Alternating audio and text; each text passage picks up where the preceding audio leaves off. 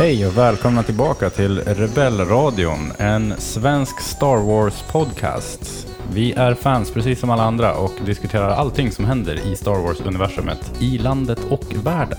Idag kanske man skulle kunna döpa om det till Rebels-radion, eftersom att vi ska gå igenom starten av nytt Star Wars, nämligen den dataanimerade serien Rebels som har haft premiär.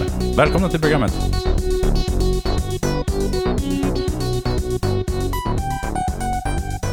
Jag heter Erik och eh, idag har jag med mig Robert. Hej Robert! Hej! Och Hanna. Hallå, Har ni det bra? Toppen! jättefint. Schysst. Vad heter det? Vi var ju med på tv. Ja, jag vet. Eller en del av oss. ja. Vart du bortredigerad? Erik? Ja, De klippte bort det? ja. ja. Alla syndes, alla syndes vi i bild, men framförallt så var det fokus på Hanna. Ja, Eh, Det var ju programmet Kobra från SVT som kom och gjorde en liten, eh, ett litet program om, vad var det? Det var äldre människor och kulturen. ja, precis. Pitchen var väl eh, befolkningen blir äldre, hur påverkar det kulturen? Just det. Eh, och ett av deras fokus var då eh, Star Wars och den äldre casten i den nya filmen. Mm.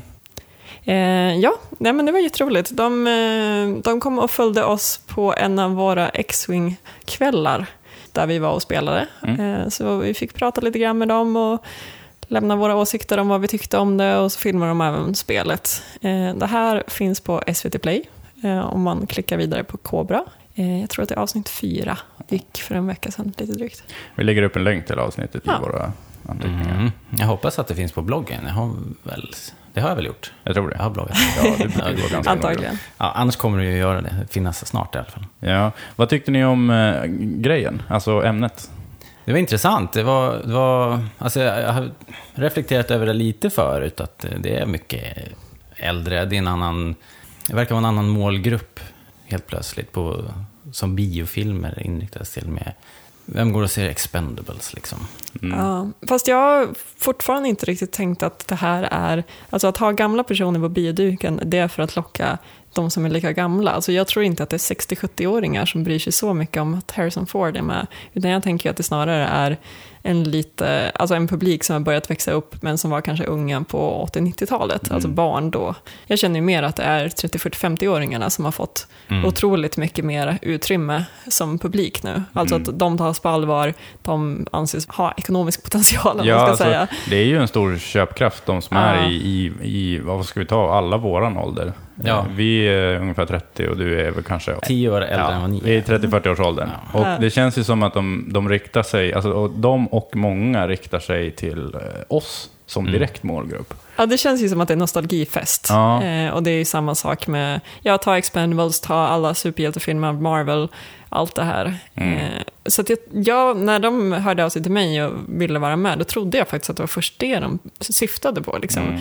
Eh, just den här ja, nostalgifesten helt enkelt. Mm. Eh, nu är det ju det var inte riktigt det sen i programmet, eller sen när de väl började intervjua, utan då var det ju mest de faktiskt, den faktiska åldern på skådespelarna Mm. och eh, det här då sig mer till pensionärer. Eh, just, Det, det är man ju svårt att se. just Star Wars har jag absolut svårt att att, våra se. föräldrars generation kommer ju inte springa benen av sig för att kolla, kolla in Star Wars. Nej, men om, man, alltså, om vi tänker på det generellt, inte bara Star Wars. Alltså, jag känner ju också kanske lite grann att jag läser in för mycket i min egen, alltså, i min egen- målgrupp. För att jag känner mig ju som målgruppen för, för allt. eh, alltså när det kommer någonting som inte passar mig, då känner jag så här, ja men nu har de missat målgruppsundersökningen. För Ja, att så kan jag känner ju inte alls det här. Men en, en, ta- alltså en grej som jag tänkte på, det är ju att om vi tar Expendables som ett, alltså det är ett väldigt bra exempel, för det är ett väldigt överdrivet exempel på sätt och vis. Det är ju alltså de här Hollywood-storstjärnorna, vad det gäller actionfilm då, i, i, i Expendables fall. Men både innan och efter så har det ju inte riktigt varit samma sorts stora stjärnor som det var då. Nej, precis. Alltså när det var Arnold Schwarzenegger och Sylvester Stallone, då var det kändes ju som en, en kändispeak på något vis. Ja, men det håller jag med om. Eh, Det kanske också är för att vi är lite blinda av vad, vilka som är stora nu, i och för sig. Ja, Nej, men- vilka, vilka är det nu då? Om vi, ska, om vi vågar blotta oss så kan vi, med vår okunskap. Ja, men Eller det, har vi är koll? det, det är det som jag känner är själva grejen. Att det är ingen som är lika globalt storkänd nu. För att allting är mycket mer tillgängligt för alla. Så att det kan ju liksom finnas eh, en miljon fans till någonting som ingen har en aning om. Eh, Medan det finns en miljon fans till någonting annat som den första miljonen inte har någon aning om vad det är för någonting. Men på 90-talet ungefär, alltså 80 och 90-talet, då var det eh, alltså Arnold Schwarzenegger och Madonna i princip. Ja, det fanns ju lite färre och, som konkurrerade om de positionerna och framför allt det som gjorde de här, eller som jag tror gör de här unika, det var att liksom Arnold Schwarzenegger spelar alltid Arnold Schwarzenegger i alla roller. Eh, Sylvester Stallone på samma sätt, Bruce Willis definitivt. Ja. Eh, så på det sättet så känns det, de, de skådespelarna som blir ganska stora nu, de har ändå lite mer variation i sig. Ja. Jag tror det, det, det är en grej, alltså, och sen att som eh, Sly och eh, Arnold kunde odla både myten om sig själva hela tiden och dessutom fanns det någon sorts eh, eh, liten fade mellan dem också som, Ja, som höjde dem ännu mer. Men sen är det väl också att det fanns färre kanaler då. Absolut. N- Nu är ju allting online och YouTube-generationen och allt det här. De, de kanske inte konsumerar, eller det gör, så är det ju. Kidsen nu, som jag ju inte får räkna mig till längre tydligen, Jo, Ko- konsumerar ju media på ett helt annat sätt. Ja, precis. Och det finns, alltså det finns flera spridda kanaler. Eh, och det är det jag menar med att det kan finnas en miljon fans till någonting som ingen annan har en aning om än just den Nej, men exakt. För att de kan, liksom, de kan ha sin egen, egen plätt och så finns det massvis med plättar överallt. Eh, Men med just de här kändisarna, och nu är det ju bara just vad det gäller västerländsk kultur, för tittar man, alltså går man till kinesisk kultur så ser det ju helt annorlunda ut. De har ju alltid kunnat haft kändisar som är deras, då har de kunnat haft en egen variation av det, utan, men jag menar mest bara västerländsk kultur. Och där är det ju att både vi och våra, våra föräldrar och våra farföräldrar gick ju och såg samma Arnold Schwarzenegger Harrison Ford-film. Mm.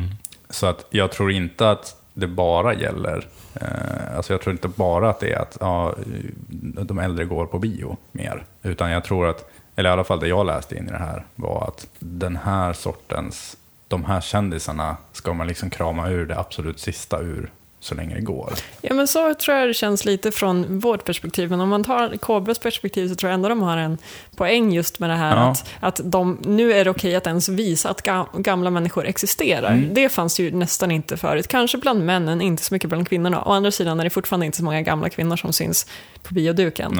Eh, men så att, att det börjar komma fler och fler 60-70-plussare eh, på bioduken, det är väl relativt nytt. Mm. Och det känns som att alltså Kobra kanske har en poäng att det kanske inte bara är för att vi vill klämma ut de riktigt stora kändisarna, Mm. utan det kanske är att vi vill börja se gamla Mm. människor, att de ens Absolut. existerar. Absolut. Jag tycker de har ju definitivt en poäng och jag tycker att de har rätt i, i, sitt, eh, i sin grej. Mm. Eh, Men om vi ska koppla ihop det till Star Wars Ja.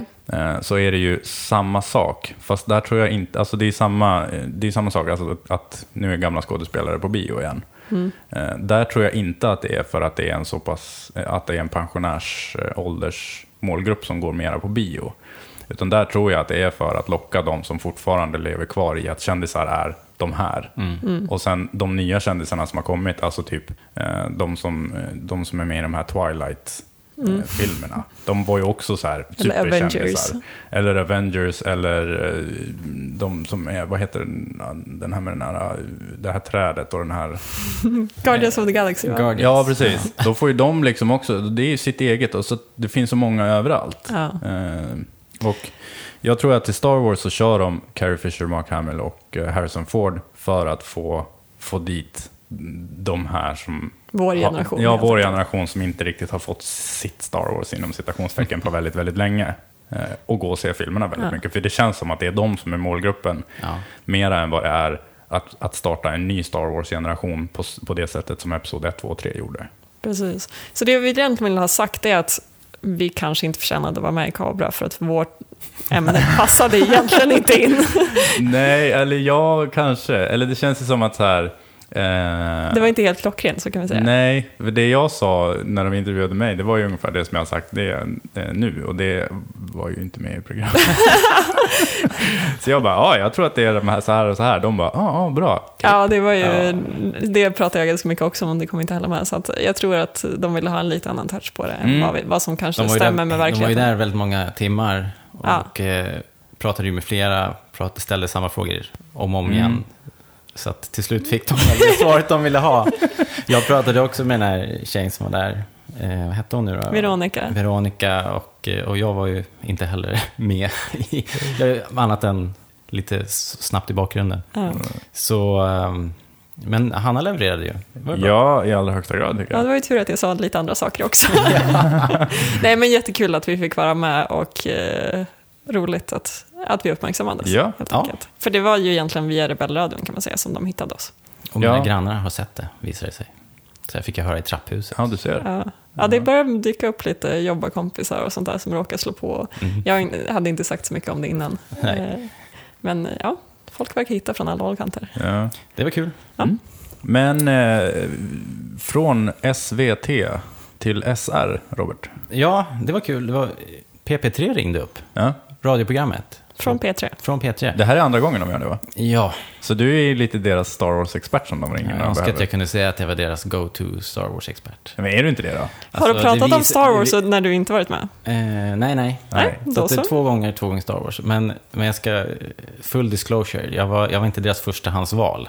Den här gången. Sa de det till dig? Nej, de sa ingenting. Men sen så hörde jag från eh, Rasmus Tirsitis som bara, hörde, hörde SR av sig till dig? Så, här. ja, Åh nej. så, så var det med den saken. Men det kan man väl förstå att de har lite variation. Ja, nåja. De vill Men, eh, kvotera Rasmus- in alla Rasmus olika är ju personer. riktig Star Wars-fan, posterboy. Han har ju gjort den här Threads of Destiny. Ja, Mr Director. Mr Director. Han är känd från Rebellradion också, Mm. för övrigt. Hur som helst. De, eh, de ringde upp eh, och jag svarade inte, för jag kände inte igen numret. Så, så lämnade de i alla fall ett meddelande och ja, så, så fick vi kontakt i alla fall. Och det var i samband med att den här Star Wars Empire Uncut släpptes Just det. för kanske två veckor sedan när vi spelade in det här. Och eh, för er som inte har sett Star Wars Uncut så har ni en, eh, en rolig stund framför er. Typ två timmar och ut på- 20 minuter. Ja, det är hela eh, Empire. Ja. Men den är upphuggen i 15 sekunders klipp som fans har gjort. Det går till så att man, de delar upp filmen i de här segmenten och sen så får man kinga dem på webbplatsen. Okej, är det så det funkar? Och sen så, så gör man eh, en, en, vad heter det, som en liten eh, version. Sin egen Sin fria egen version. tolkning. Fri tolkning, du får göra precis vad du vill, vilket medium som helst. Det och det är det som gör att det blir så himla... eh, Ja, som jag sa i det här klippet på radio, det, det blir någon sorts magi. För att det är som att sitta och zappa på tvn. Ja. Eh, För att var 15 sekund så kommer något helt nytt. Fast samtidigt är det en och samma sammanhängande historia som Ja. man också känner väldigt väl. Så det behöver inte vara så, far, eller så förklarande heller. Det kan vara ganska abstrakt vissa av de där. Ja, eh, och det är det ju verkligen Ja. också. Ibland är det ju... Men när man då kingar dem på den här hemsidan, är det bara en som kingar per 15 sekunder? För jag menar, det måste ju ha någon slags kvalitetsurval sen. Ja, nej. Eller? Det, jo, det här som, det som klipptes ihop nu var, ska ju vara the best of. Ja. Eller det roligaste. Ja. Liksom, eller det mest knasiga. Ja, best vissa har ju sin charm för att de är lite knasiga och Ja. dåliga också. Ja, precis. En del går ju hela varvet runt. Ja, det, handlar ju in, det handlar ju alltså inte om att man ska få det att se så likt originalet som möjligt. Nej, om man vill det så gör man ju det. Men en del eh, kör ju bara helt... Jo, men det är ju, det är ju inte, alltså det är ju inte reenactment av exakt. eh, Alltså man ska ju inte göra det exakt så att du inte kan se någon skillnad Nej, eh, med liksom rätta, rätta vad heter det, rekvisiter och sånt där. Utan det känns ju snarare som att de uppmanar lite kreativ tolkning. absolut.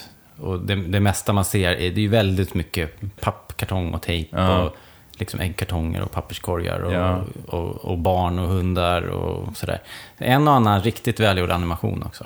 Ja, väldigt snygga Ja. är de. Och de är ju också, där är det ju heller inte, jag har inte sett hela filmen, eh, men jag såg betydligt mycket längre än vad jag trodde att jag skulle göra. Ja, nej, man orkar nog inte två timmar. Inte i en sittning i alla fall. Nej. Kanske om man får sitta och dricka lite. Ja, men och sen så drog jag fram och kollade på Ja. mina favoritscener och se, se hur de hade gjort det där. Och alltså man skulle ju, där är det ju samma sak, man skulle ju kunna animera det så att det ser så troget originalet ut som möjligt. Mm. Men där är det ju också väldigt abstraherat eh, i många animationer. De bästa tycker jag är eh, mer abstrakta. faktiskt. Ja, precis. Eller rätt trogna originalet fast i en helt annan miljö. eller Ja. så.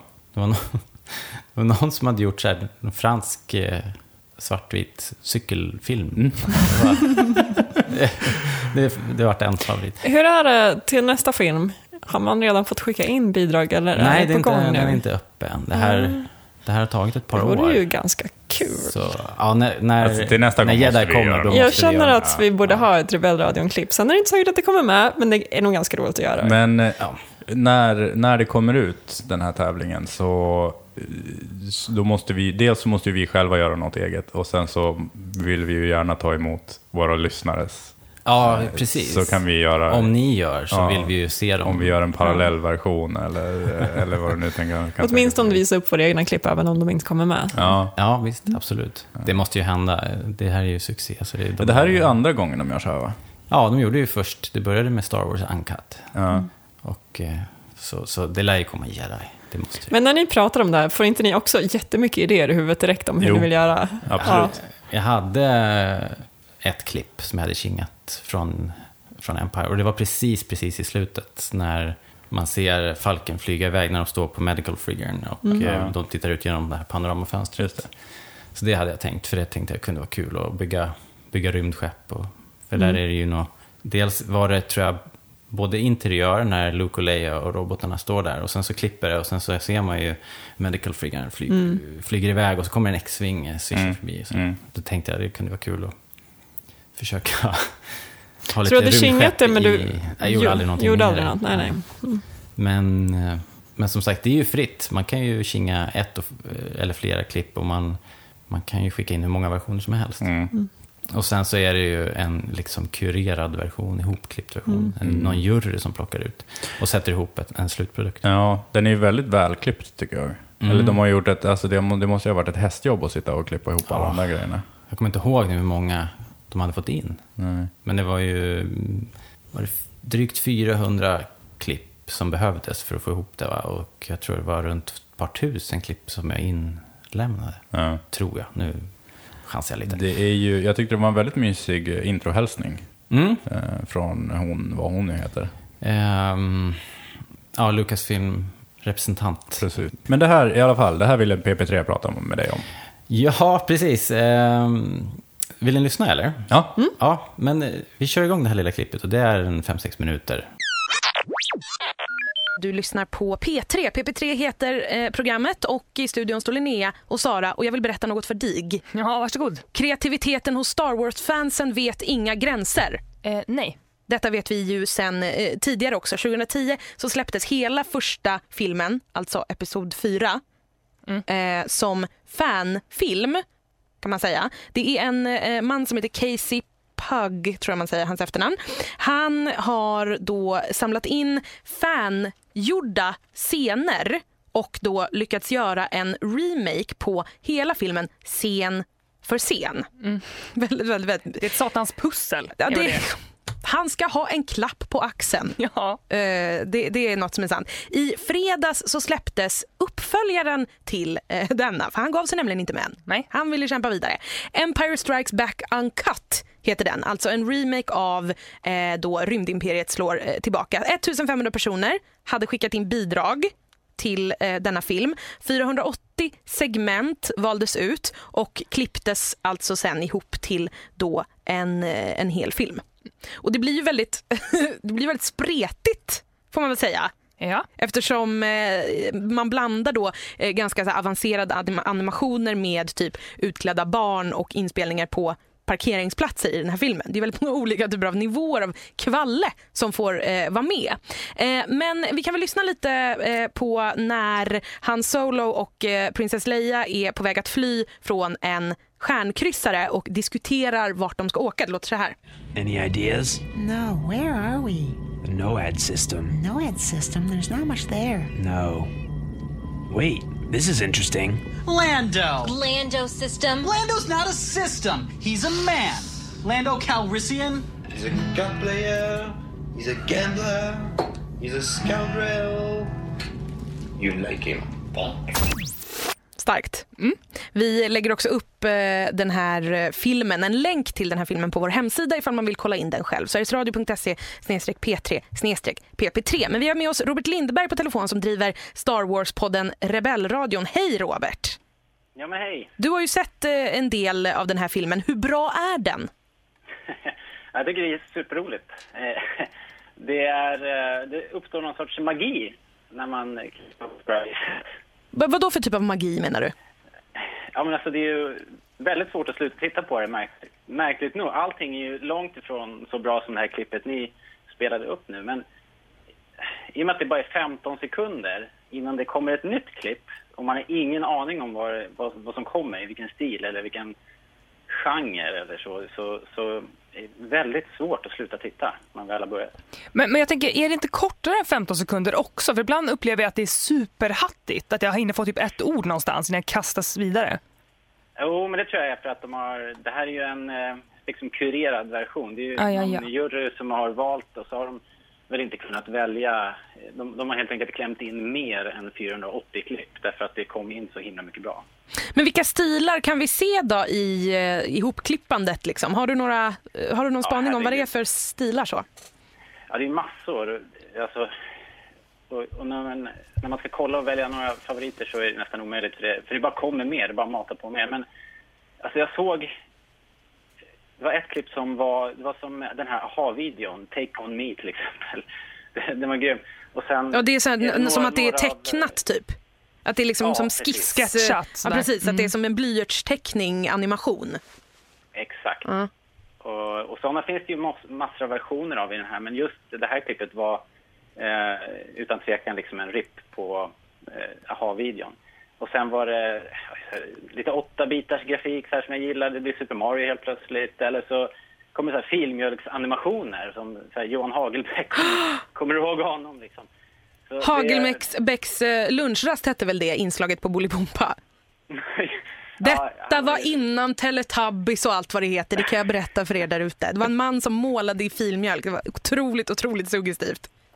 Ja, det har format mig. Jag med, Sen mig med. finns det ju... Ja, men det är massor. Det var någon som sjunger opera och så den här gitarrsolot vi fick höra alldeles nyss. Och en rätt mycket roliga animationer som har väldigt organisk eh, look liksom. Ja, det, men, men det är blandningen som gör det faktiskt. Man skulle inte orka se eh, en långfilm i, i någon enda version. Så det, det skulle vara omöjligt. Men det är blandningen som gör det. Vad, hur står den här uppföljaren sig jämfört med den förra? Har det utvecklats på något vis eller märker man någon skillnad? Åh, det vet jag inte riktigt. Men det, eh, det är klart att om man får en succé som den första blev så tror jag att folk taggar till ännu mer och vill göra något speciellt. Så vad jag, vad jag minns i alla fall så är, innehåller den här en hel del väldigt fin animation eh, som jag inte kommer ihåg att jag såg i den förra riktigt. Så att, eh, jag tror folk har lagt ner lite mer tid. Inte rakt igenom kanske. En del har ju bara satt en papperskorg på huvudet och kört liksom. Men, men eh, å andra sidan så, så får man se riktiga guldkorn också. Så att, ehm, Jag sa ju här... kanske att folk har lagt lite mer tid den här gången. Kanske, men jag sa ju här att, eh, att kreativitet hos Star Wars-fans vet inga gränser. Eh, vad har du för favoriter när det kommer till liksom, Star Wars-fanfiction? så? Ja, eh, faktum att vi pratade, vi, vi har- poddar ju också i, på Rebellradion och eh, vi pratade senast om det här att det inte alltid blir så lyckat eh, för att en hel del fanfilmprojekt kommer liksom ur en, kommer in, tar sig an det här med, med det att de, de vill förbättra eller klippa om Star Wars och förfina det eller så. Och eh, det tycker jag inte om. Eh, utan Star Wars, den, den duger så fint som den är. Men det här är ju något helt annat. Det här är ju verkligen bara kreativt utlopp och helt opretentiöst och bara väldigt, väldigt roligt. Eh, och även om en del proffsanimatörer uppenbarligen har, har jobbat hårt här så är det ju också familjer och husdjur och sådär som är inblandade. Så det är en helt annan glädje i det här som jag verkligen, verkligen gillar. Robert Lindberg, eh, alltså från eh, Star Wars-podden Rebellradion. Tack snälla för att eh, du, fick, eh, du var med. Ja, tack. Hej. Ha det så bra. Hej då. Just det. Ja, så där var det. Det var, det var några minuter. PP3. Mm. Jag får ju passa på och eh, ursäkta ljudkvaliteten. Det låter ju som att jag står på månen i en helkakad dusch. Tyvärr. Men det var jag. Ja. Så nu kan du ännu mer på ditt eh, visitkort skriva känd från radio. Expert. Ja, Ja. expert. Star Wars-expert på SR. Public Ja. service i sin sanna anda. Precis. Eh, japp, så var det med den saken. Eh, en annan rolig sak som har hänt är att vi har fått mera, mera lyssnarmail. Mm, det här är en ny trend som börjar dyka upp. Ja, det är väldigt roligt. Ja, det Keep är them coming. jättekul att få era mejl. Eh, oavsett vad det är. Ni, te- jag har svårt att tro att ingen åtminstone tänker och tycker någonting när ni sitter och lyssnar på vår podcast. Eh, så ni får gärna skriva ner det och skicka det till eh, vad är det? rebellradionpodcast at gmail.com. Till exempel. Eller så finns det en Facebook-sida. Mm. Eller så finns det Twitter. Som är väldigt direkt också. Ett Rebellradion. Men jag, jag ser ju hellre mer än 140 tecken. Ja, precis. Ja, oftast blir det rätt långt. Och I det här mejlet som vi fick från um, våran kompis Linus. Hej Linus. Ehm, han skriver så här. Hej, hej. Tackar så hjärtligt för en suverän podcast. Riktigt fin. Tackar, tackar. Tack. Det tackar vi för. Eh, och så fortsätter han så här. Jag och min storebrorsa diskuterade när vi såg The Clone Wars huruvida vissa karaktärer skulle kunna dyka upp i någon av filmerna som ska komma. Främst var det Ventress, Asoka, Cad Bane, coolaste Star Wars-karaktären någonsin? Frågetecken. Hondo, Captain Rex samt min brors favorit Aura Singh. Och hoppas vi egentligen inte alla att Lupita Nyong'o faktiskt spelar Asoka i Episod 7. Efter en stunds diskussion så slog det oss att det kanske är större chans att vi får se Rebels karaktärer i Episod 7. Vi kom ju fram till att det i så fall är Ezra och Kanan som ligger bäst till. Eh, Oscar Isaac respektive Max von Sydow skulle kunna spela dem i så fall, möjligen. Eh, men med allra största sannolikhet inte. Men ändå. ja. Om det nu ska komma en Obi-Wan spin-off så det är väl ganska stor chans att någon av Clone Wars-karaktärerna, Kanan också för den delen, dyker upp förutsatt att den utspelar sig strax efter Episod 3. Asoka känns väl som att de kommer att klämma in någonstans. Det kanske bara blir Rebels till sist, men det vore coolt att se henne spelad av en riktig skådespelerska. Vad säger ni om det? Är ni för eller emot Rebels och The Clone Wars-karaktärer, att de dyker upp i kommande filmer? Mvh Linus. Ja, eh, som sagt, tack Linus. Det är intressant. En rolig diskussion jag haft där uppenbarligen. Ja, kul Och, att höra eh, att det är någon annan som också nördar ner sig i Clone Wars Eller hur? och älskar karaktärerna. Vad, vad tror ni om det här då? Jag är för. Ja, Det är det enda jag kan säga framför allt. jag är för allt, Ja. eh, men jag tror inte på något. du tror inte på något? Nej, tyvärr. Eh, jag, eller, I Rebels, absolut. Att Clone Wars-karaktärer kommer eh, till kar- Clone Rebels? Wars-karaktärer kommer att komma in. Det har de faktiskt redan gjort, eh, på sätt och vis. Mm, ja, Tecknade det. på en vägg. Ja, just det. Vi har sett... Eh, det har swishat förbi. Det, kan, det kanske inte är så allmänt känt. Nej, det finns en, en, en, bild, en scen där eh, Sabine har ritat eh, Cad Bane och Embo på väggen i Ghost. Ja, Och det är lite gulligt. men ja, det där måste vi återkomma till. det är ju kanske lite av ett eh, påskägg mera än ett faktiskt bekräftat eh, inträdelse i, i Rebels tv-serien. Men eh, vad det gäller filmerna så tror jag inte på det alls överhuvudtaget. Tyvärr. Jag hade ju hemskt gärna sett det. Eh, men jag tror inte att JJ Abrams eh, bryr sig om Clone Wars. Jag tror möjligtvis Rebels i så fall. Alltså för Rebels och eh, Episod 7, de går ändå på något sätt under samma varumärke. Clone Wars tror inte jag att han vill behöva engagera sig i allt för mycket. Å andra sidan, så Rebels och Clone Wars är också två olika produktionsbolag som har gjort eh, det är inte så att Rebels behöver ha med Clone Wars, men jag tror att där, där kommer kopplingen mycket mer naturligt. Eh, och jag tror att eh, i och med att det är samma, alltså Dave Filoni gör båda, det, där känns det ändå som att det, det, det är sannolikt att det kommer dyka upp lite här och där. Och det, det gör också att eh, alltså det ökar ju legitimiteten för Rebels. Att Ja. folk känner igen sig, jaha, det här är ungefär samma produktion. Eh, jag kan se en tydlig linje mellan Clone Wars och Rebels. Mm. Men jag håller med att jag har svårt att se att någonting kommer dyka upp i Episod 7. Eh, dels som, som du säger för att J.J. Abram- Abrams kan lika gärna strunta i det eh, och vilja välja helt själv vad han vill att storyn ska handla om. Eh, men sen också lite tiden som går emellan. Det är ganska många år. Alltså Clone Wars Mm. till eh, Episod 4, 5, 6, då är det 20 år och sen, vad tror vi sen, vad är det, 30 år, någonting sånt. Ja. Så vi pratar om plus 50 år för Clone Wars, plus 35 år för Rebels. Ehm, är Så det blir ganska det, det många år. hinder, Ja. är det ju. Det krävs ju att det är är ju karaktärer som på något Rex sätt... körd till exempel. Ja, till exempel. Eh, Det krävs ju liksom karaktärer som till exempel inte åldras på ett normalt sätt. Jag hoppas ju fortfarande att Ventress ska dyka upp i Episod 7 och att hennes eh, häx-powers gör att hon har inte Ja, åldrats på ett normalt alltså, sätt. skrev ju, Linus skrev ju att eh, hoppas vi inte alla att Lupita Nyong'o faktiskt spelar Asoka i Episod 7. Ja. Och eh, jag hade ju jättegärna sett Asoka i Episod 7, men om jag får välja någon som Lupita Nyong'o ska spela så är det ju definitivt Ventress.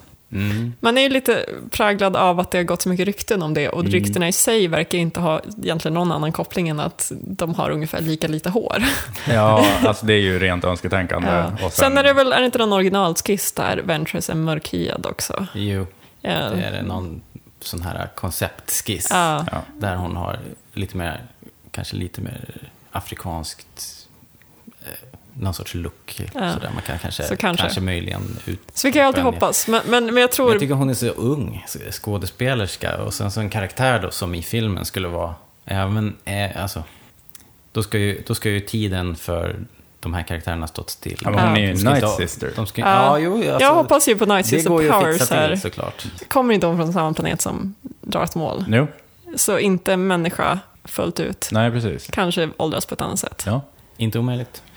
Eh, Asoka åldras ju helt naturligt har vi ju fått se i Clone Wars.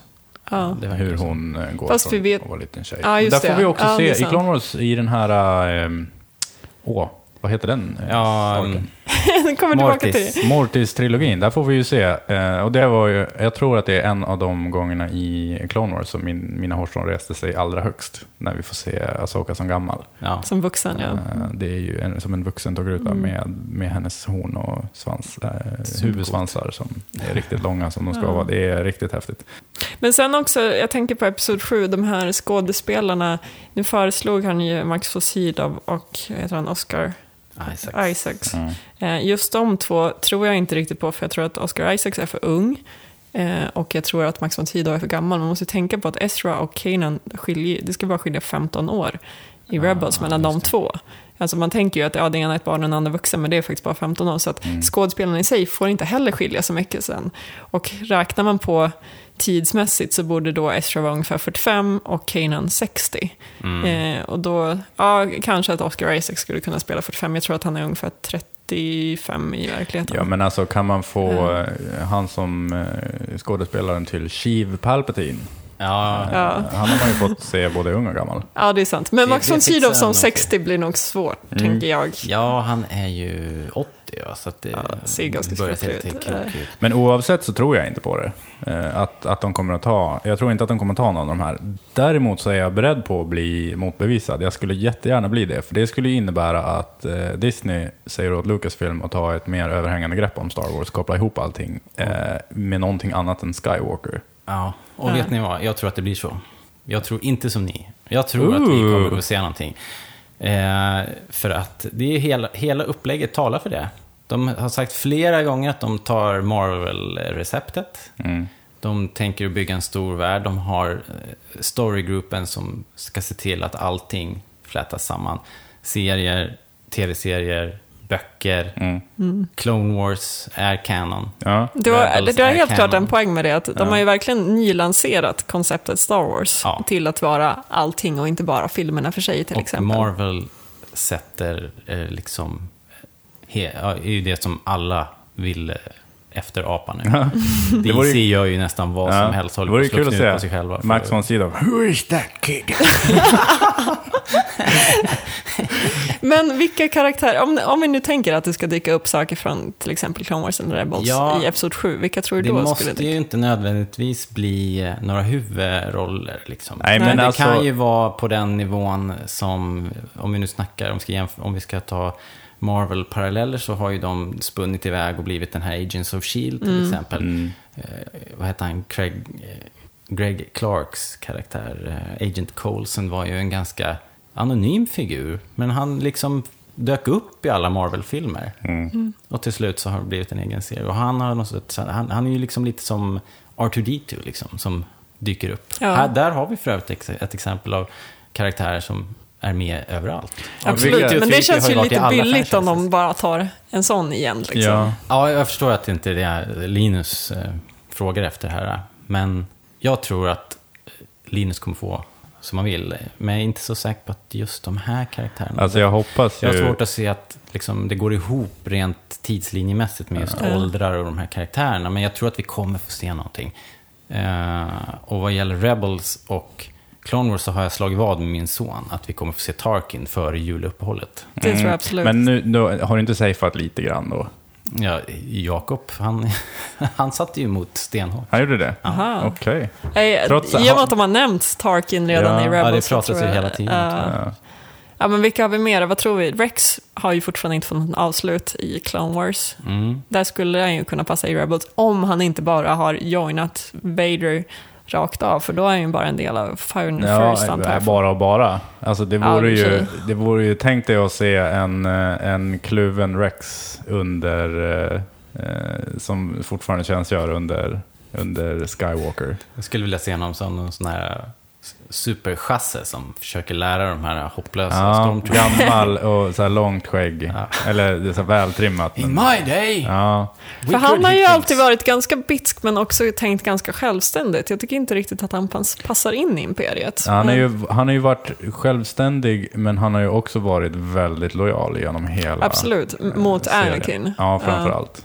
Och haft en rätt hög moral, så att Ja. eh, det är svårt att tänka mig att han ställer upp på det. Ja, men ja, där, det där känns skulle... så. är Även om han är skulle- lojal mot Ä- Anakin så känns det som att, liksom, att, att han bara skulle köpa Imperiet rakt av. Men det är ju det som gör det till en så himla intressant, eh, Ja. ett, ett så intressant uppträdande i, i Rebels om man skulle komma. Mm, det vore coolt. Ja, absolut. Och Ventress känns det ju också som att vi väntar på att få ett avslut på. Absolut. Och Asoka gick, se, vi, fick vi se gå ifrån. Ja, hon är nästan beredd att sätta pengar på att hon dyker upp. Ja, Det känner är jag ju Dave Filonis baby. Ja, det är det. Ja. Eh, jag, jag har fortfarande svårt att se det, för att jag tror att, eh, jag tror att det finns uppmaningar om att göra någonting annat. Ja, alltså allting, Jag vet inte vart allting det är- pekar ju originaltrilogi. Du vet, Mm. Kompassen pekar på Episod 4 liksom. Men samtidigt är det så lätt att göra liksom gästframträdanden, vad man ska säga. De behöver ju inte vara med mer än en halv, ett halvt avsnitt så kommer fans känna, åh vad skönt, nu vet vi vad som hände med Soka. Hon blev en Bounty Hunter eller vad som helst. Ja. Liksom. Eh, det, det är det som saknas fortfarande, men de behöver ju absolut inte bygga många avsnitt alls på de här karaktärerna. Nej. Men jag tror att det vore ett väldigt, väldigt snyggt sätt att koppla ihop och avsluta, för att alla vet att Clone Wars blev halvdant avslutat. Ja, Eh, verkligen. Eh, så att, så att, så att jag, tror att det här, jag tror att de ska kunna hitta ett sätt att lyckas Hoppas. ge det ett avslut. Ja. Ja, Linus. Någon sorts svar. Det, det är ju, allting hänger löst, löst i luften. Det är kul att fundera på. Jag tror vi kommer få se. Jag hoppas du och Linus Både har här rätt. och där. Ja. Ja, och jag tror inte, men jag skulle jättegärna bli eh, eh, motbevisad som sagt. Av allihopa. Jag, eh, jag märker att jag och Linus delar, eh, eh, delar favoritkaraktärer ganska mycket i Clone Wars. Mm. Alltså vi har ju, jag måste bara säga, vi har ju, vi har ju sett nu, är det fjärde avsnittet som sänds i USA typ i, imorgon när vi Mm. spelar in det här. Och vi har ju redan sett, ja vi har hört talas om Tarkin, vi har sett R2, C3PO. 3PO, Kenobi. Kenobi, vi har sett eh, Bail Organa. Och det kommer en till i fjärde avsnittet som du inte har sett ännu. Så Men... att det, de, jag tycker de strösslar in redan ganska Ja, mycket. redan. Absolut. Eh, vi kan väl gå in på avsnittets huvudämne när vi ändå är där och nosar. Star Wars Rebels.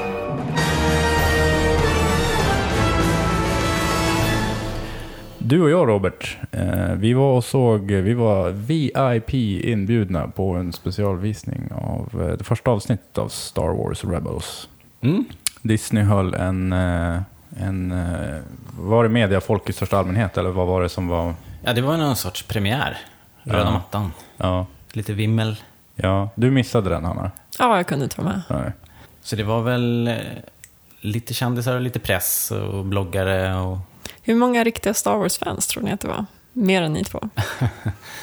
Eh, ja, det är ju omöjligt att säga. Men var, det, alltså- var det några som var utklädda till exempel av publiken? Eh, Inte i publiken, de... ja, barnen var ju. barnen. Det kom, jag såg Leia. Precis, så om vi ska, om vi ska, vi kan säga så här. Eh, minst hälften var Star Wars-fans. Men eh, det var ju mer än hälften Men deras som föräldrar var... var inte det. Precis, men det var ju mer än hälften som inte var barn. Ja, ja, ja. Eller som, mer, det var ju mer än hälften som var barn menar jag. Ja. För att eh, det, var väldigt, eh, det var väldigt tydligt att, eh, att det var kidsen som skulle komma. Fast när det drog igång så det jublades och tjoades och sådär i salongen. Mm, men det var här du. Var... ja, det kanske var jag. Nej. Nej, men, Nej, men det jag håller kom med, det var bakifrån det. och uppifrån. Mm, det, det, var, absolut. det var nog ett och annat där, det tror jag faktiskt. Ja, vad kul. faktiskt. Och sen så var ju 501st Legion, eh, Nordic Garrison och Ja. eh, Rebel Legion var ju där och Rebel Legion var där ändå tror jag bara. Jag tror att det var 500 First som hade gigget egentligen. Just det, precis. För de var där by request från Disney så att säga. Ja, Och inte bara så här, vi har hört att det är Star Wars, vi klär ut oss och går dit. Och det här var en ganska stor grej, för att det är första gången som, eh, som de gör någonting officiellt med Disney i alla fall. Mm. Men eh, sen verkar det ju inte ha varit så jättemånga grejer eh, även innan Disney-uppköpet. Eh, nej, jag, jag tyckte också att jag hörde att det här var första Ja. gången. Jag vet ju att de har varit inhyrda vid leksakssläpp och sånt där. Men då är Och det väl, Legoland har de väl varit mycket i. Mm. Ja, där har de ju årligen någonting. Men sen har väl BR har ju haft dem, vet jag, återkommande och så. Mm. Eh, Star Wars-dagar Ja, men stort att de får vara med på det Det är officiella väldigt stort. Star Wars. Och de gjorde det riktigt bra tycker jag. Alltid kul att se dem på stan. Yes. Eh, Så det var, det var riktigt mysigt. Och sen så var det, ja det var massa stormtroopers och sen så var Vader där. Och eh, det var en eh, mycket trevlig X-Wing-pilot som, vi- som vi träffade. Och vår, vår, vår kompis Anna var ju där Ja. och körde Leia. ja. Och det var kul. Upplägget på den här Rebels-dagen var ju, först så fick vi gå in och då var det, det var inte så himla, alltså de stod och tog lite bilder när man kom med Stormtroopers, men sen så var det rätt in i biosalongen. Det var för I att vi princip. inte var så här äh, mingelreportagematerial. Så Nej. de vinkade de bara förbi oss. Ja, det var lite så, alla tog bilder och sen kommer vi, de bara move along, move along. Precis så bara okej. Ni skulle Eh, tagit på er fracken. Ja, och sen så fick man lite godis, men sen så var det in i biosalongen och där fick man en ganska bra goodiebag faktiskt. Mm. Eh, Med lite allting. Och det var, ju där, eh, det var ju där det blev tydligt vilka det var som det var till för skulle ha kul, att det var barnen. Mm. För man fick en Star Wars färgläggningsbok och lite så samlarkort och någon mask som föreställer The Inquisitor som passar lite sådär på ett vuxet ansikte, har jag hört. Eh, och så, men det var en fin, eh, en fin liten påse. Mm. Och sen så kom eh, Disney-representanten upp och hälsade oss välkomna. Och det var kul. Mm. Och sen, sen körde de igång. Och då, då helt plötsligt kom jag på vad det var jag satt och gjorde. Liksom. Alltså innan det så hade jag varit lite så här, ja ja, Ja, just det. ja, ja okej. Och sen så bara, nu är det fan nytt Star Wars som jag aldrig har sett. Som för första gången kommer att liksom Ja. köras.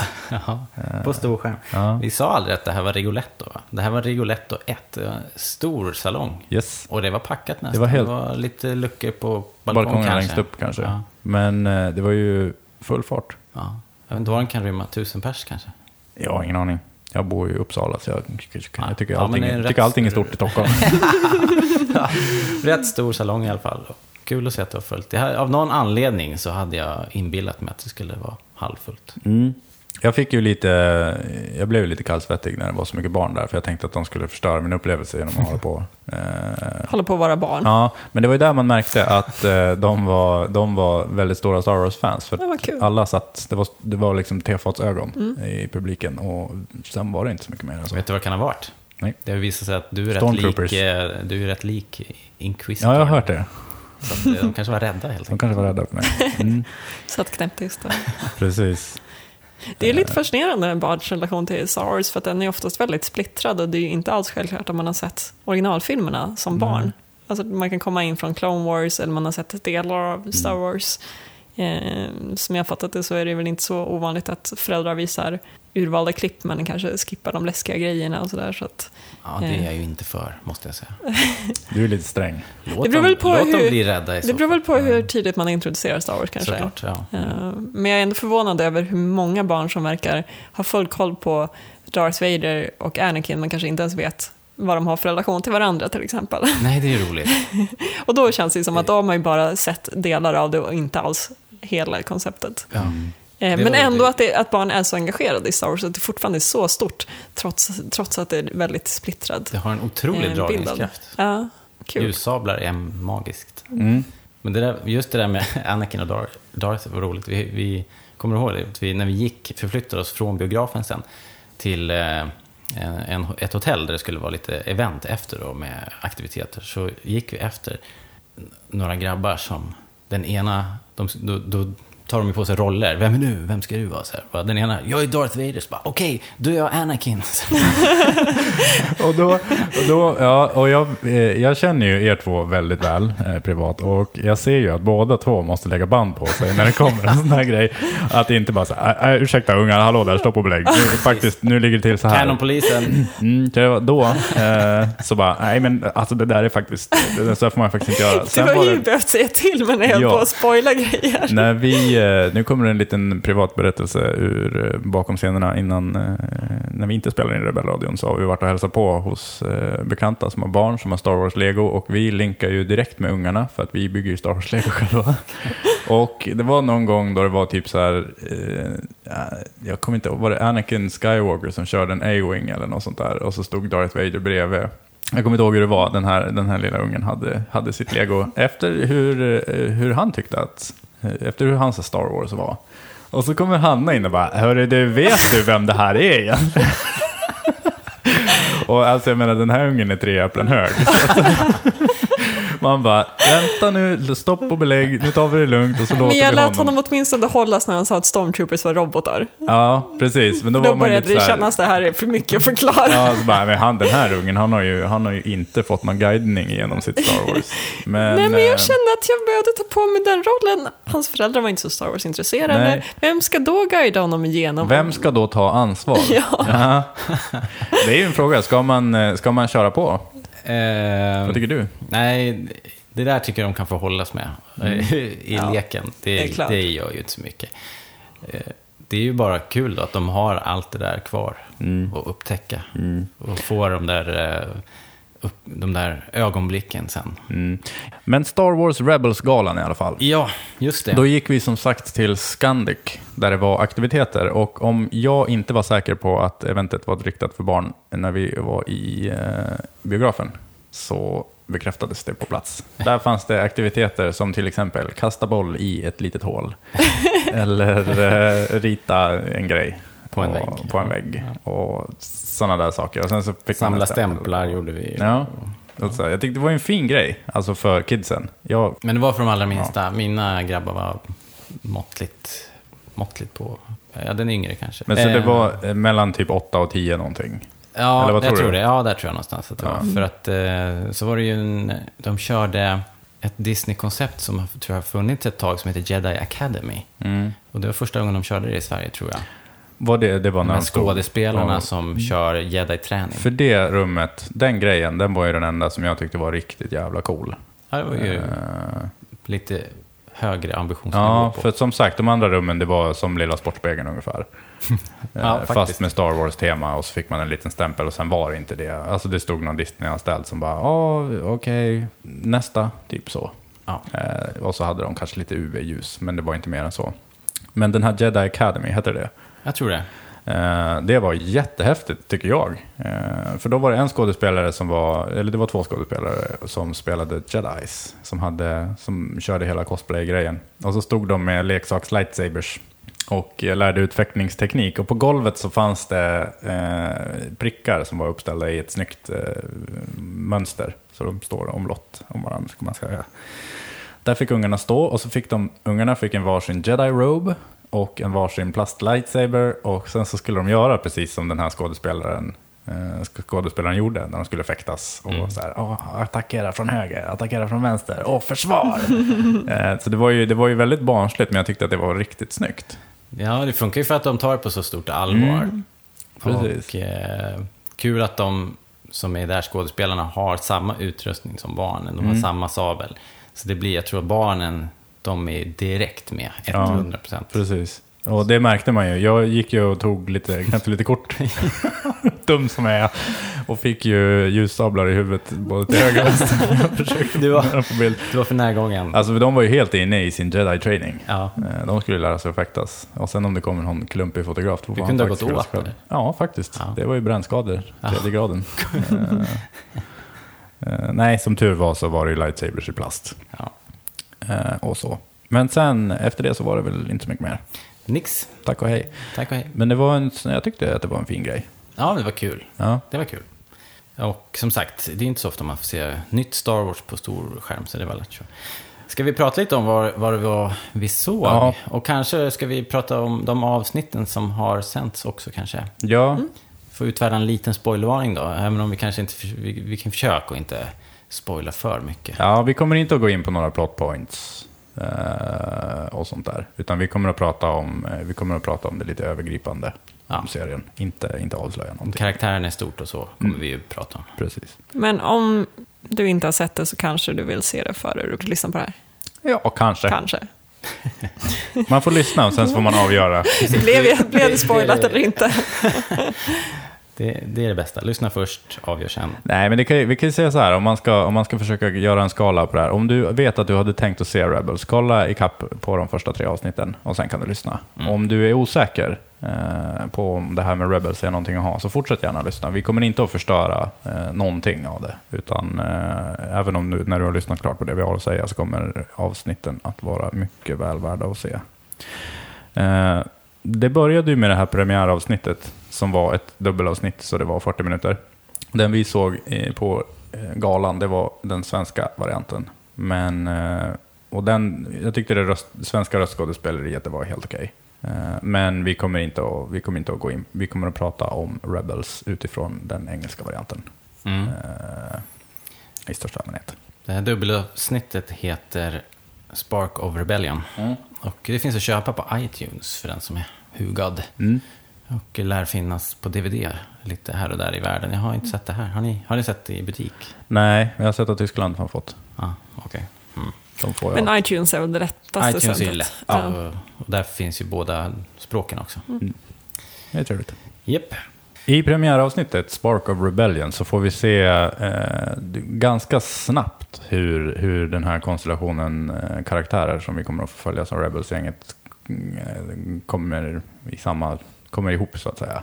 Mm. Hera, Kanan, Sabine och eh, Seb, de är, redan, eh, de är redan ihop.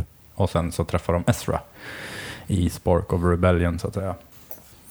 Ja, eh, och ja, det, går, det är ju rätt, rätt högt tempo, Mm. får man säga. Det drar igång det rätt. Jag gillar början på avsnitten också. Man kommer direkt in i handlingen. Det är liksom inget... Eh, det, det är liksom ingen lugn inledning, alltså inte ens en logga. Den kommer någon, eh, eller ett par minuter in i avsnittet. Så smäller det till och kommer upp Rebels.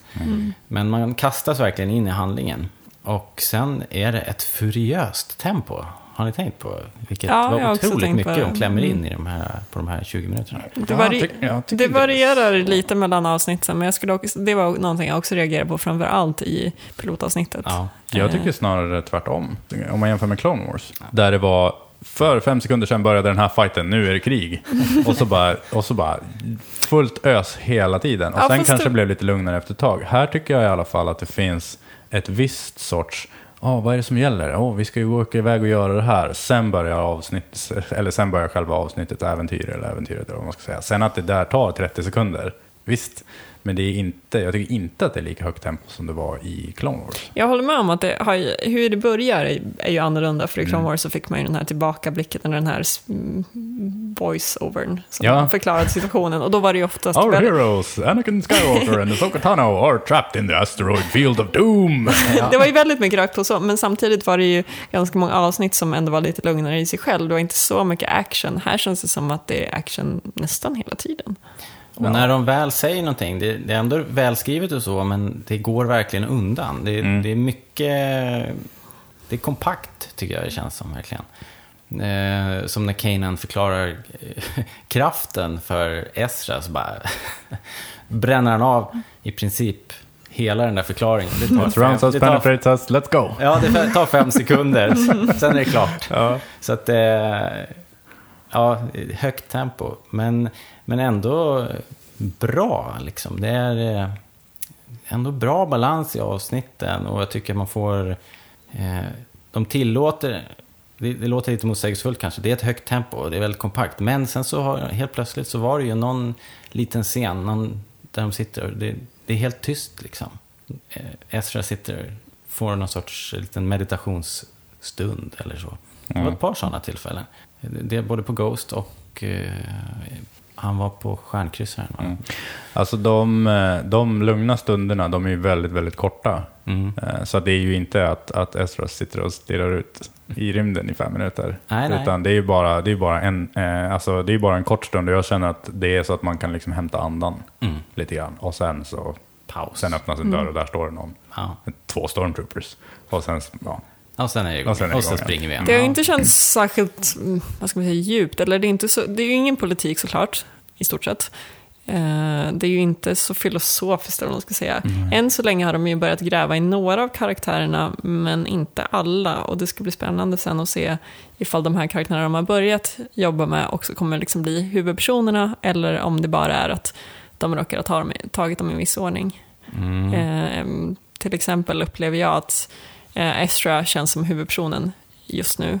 Eh, kanske Kanan till viss del också, medan Sabine, som ändå är väldigt häftig, mm, ju nästan i periferin. Ja. Ja, både Hera också. Hera och Sabine har Ja. helt klart eh, i baksätet nu. Ja. Och det är nog Ezras historia här. Mm. Vi, vi liksom ser ju det här genom, han, det är ju han som upptäcker allt det här och hela den här... Precis. Och det, det är väl just, ska det rikta in sig till barn så ska, är det kanske honom barnen ska identifiera sig med. Och Mm. om jag var barn och skulle hänga med i det här äventyret, hur skulle jag uppleva det? Just det. Lite Mm. så kanske. Ezra är ju en eh, street rat. Liksom, eh, har Mm. ingen familj och bor själv. Och som man förstår, inte, han har inte lämnat den här planeten Lothal där vi befinner oss. Nej, För- tänk Aladdin. Ja, eh, Ifrån väldigt Disneys, mycket Disneys Aladdin, Aladdin. faktiskt.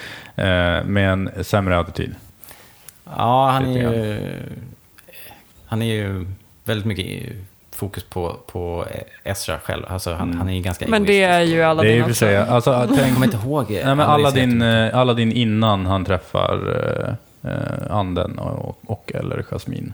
Ja. Då Han är ju- sjunger, jag själv tar, sånt som jag är, tar bara sånt jag är värd, nämligen allt. Ja, ja, det är så. Aladdin börjar. jag, tycker, jag tycker att Ezra och Aladdin känns väldigt, väldigt nära varandra. Jag har inte alls tänkt på det, men det stämmer. De är Ja. nästan gått upp Det kom kopior. ett klipp, så, då har inte du sett det Hanna? Det var någon som hade klippt ihop en eh, Aladdin, ett musikalnummer från filmen Aladdin, men Mm. med Rebels-bilder. Fantastiskt roligt. Det Ja. finns eh, på Det vår jag. Facebook. Ja. Ja. Eh, jag tycker kanske inte att eh, Ezra är den intressantaste av karaktärer i det här gänget. Nej, Men du vill ju helst se Star Wars utan Luke Skywalker också. Så Ja. jag förstår det, Ja. att du tycker det. jag Nej, tror att alltså han det behövs för att på något sätt förklara, öppna upp resten av gruppen. Eh, Men jag tycker att han är lite jobbig att titta på. Jag förstår att han används som ett verktyg för att göra det i Ja. allra högsta grad. Eh, och sen är det ju, sen är det, ju det med, med all, all Star Wars, att, eh, att jag kanske inte är exakt målgruppen den här gången då. Men jag, tycker att, jag tycker att de kunde ha gjort honom, ja, jag vet inte. Nu hör det ju till att jag gissar ju på att han kommer att gå ifrån att vara den här dumma ungen eh, till att vara en ansvarsfull och ödmjuk och snäll person. Det tror jag också. Eh, För Absolut. att det känns som att ja, det, är, det, är, det är uppenbart att det är det som är grejen. Ja. Och jag måste väl kanske påminna mig själv om det när jag tittar lite grann. Att, så här, eh, att, att eh, liksom ha lite överseende med hur han beter sig nu för att det är ett, ett, en stor del av berättelsen. Jag, Jag tror vill minnas- du reagerar helt rätt. Alltså, Ja. Det är meningen. Jag tror att de flesta reagerar så på Asoka också i början. Oh, Vi ja. gjorde det definitivt. Nej, jag kände inte samma sak där. Fast du Eh, störde dig på henne Jag störde mig på henne Ja. för att, för att eh, ja, nu kommer jag inte ens ihåg vad jag störde mig på, men jag kommer ihåg att jag störde mig. Men det var en annan, det var en helt annan sak. Hej där Sky Guy. Ja, jag Ja. tänkte precis säga Sky Guy är definitionen av Ja. Asoka som barn. Precis, men här, jag tycker inte att, eh, jag tycker inte att i Rebels känns trovärdig faktiskt. Eh, Jag tycker inte att han beter sig på ett sätt som en person i hans situation skulle göra, hur dum i huvudet han än är. Nej, du hade ju något, eh, någon liten rant om tidigare när vi fick se de första sju minuterna, att han tar onödigt stora risker och verkligen söker eh, trubbel. Ja. Och sen, ja, och sen hans, han, han letar upp trubbel och sen så säger han eh, trubbel har en tendens att hitta mig. Ja, precis. Och det är så här, ja, fast nu ljuger du för dig själv. för att eh, det är ganska uppenbart att du behöver inte gå in och ställa dig mitt i ett gäng med stormtroopers och sen bara, det ska nej det bli var inte lite jag. äventyr, Erik. Annars hade det blivit att han var så här föräldralös och letade sopor. Jag fattar det. Sop, Alltså, jag har ingenting emot att han går och ställer sig bland ett gäng stormtroopers. Han måste bara inte vara en liten brat about it. Jag tror att han ska ha ganska mycket Anakin i sig också. Alltså, visst, det är Soka i barnsligheten, men jag tror att han- det ska, Mm. det ska, de ska ha någon slags sätt att öppna upp för the dark side till exempel. Visst. Eh, och tror jag, jag tänker att det behövs nästan alltid när någon ska lära sig the force. Eh, vilket då, nu spoilade jag kanske, men Ezra har ju lite eh, force abilities. Eh, så jag tror att om, om de skulle göra honom helt liksom, vad ska man säga, empatisk och eh, sympatisk Mm. eh, så tror jag att de har svårare att få in den mörka sidan i Ja. kraften. Alltså mycket av, eh, nej, det är ju inte någon spoiler för det har vi ju fått se. Eh, Det har ju Disney spoilat själva att, eh, att Ezra kommer att vara Kanans lärling. Ja, han har ju funnits i reklammaterial Ja. med ljussablar Mm. och vi har sett de första sju minuterna. Där antyds det ju också redan. Mm. Där var, ju, där var ju en sak som vi, vi fick vara lite ensamma om på den här eh, specialvisningen. Då visade de, började de ju med att visa de här sju minuters klippen. Mm, just det. Varav det ena av dem är precis i början av det första avsnittet. Och sen började det gå vidare när de, slog, Ja, ja, ja. När de snor de här Mm, mm, lådorna och åker iväg på speeders. Och sen fortsätter det utan att de säger, alltså Disney säger inte så, det är inte så, det är inte ett avbrott, nu börjar Rebels-avsnittet. Utan det bara fortsätter. Och då satt jag och bara, missade jag det här? Och så bara, vad fan, har jag inte sett det här sju minuters klippet? Och sen så bara, vänta nu, nu har det gått tio minuter.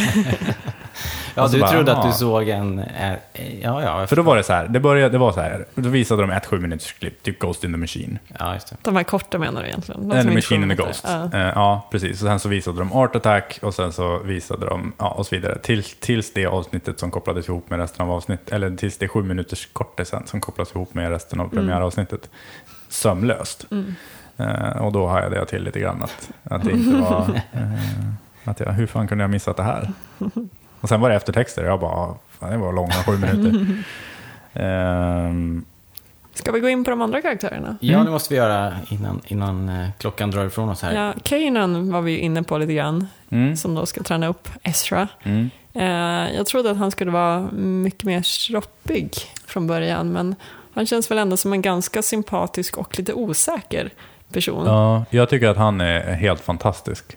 Jag vet inte om det har att göra med att jag hade förväntat mig att han skulle vara sämre än vad han är. Mm. Eller om han bara är riktigt bra. För jag trodde att hans roll var att skriva publiken på näsan hela tiden. Men det är Eller det en verkligen dominant inte alls. ledare trodde jag nog också Ja, bara. okej. Mm. Han är Ja. ju inte riktigt en Obi-Wan Kenobi-karaktär. Verkligen Utan han, är inte. ju, han är ju inte heller färdig jedi. Nej. Det ju- blir ju väldigt uppenbart att han, han, var, han inte blir klar Nej. och nu ska han träna upp en annan och det är Ja. inte helt självklart. Nej. Och det är ju faktiskt, du sa ju det med det här med att det måste komma in lite ett eh, element av mörka sidan här. Nu har vi alltså en jedi som tar mesta rollen, som själv är outbildad. Ja. Och ganska, eh, ja, han lever ju på fel sida av lagen. Och, Ja.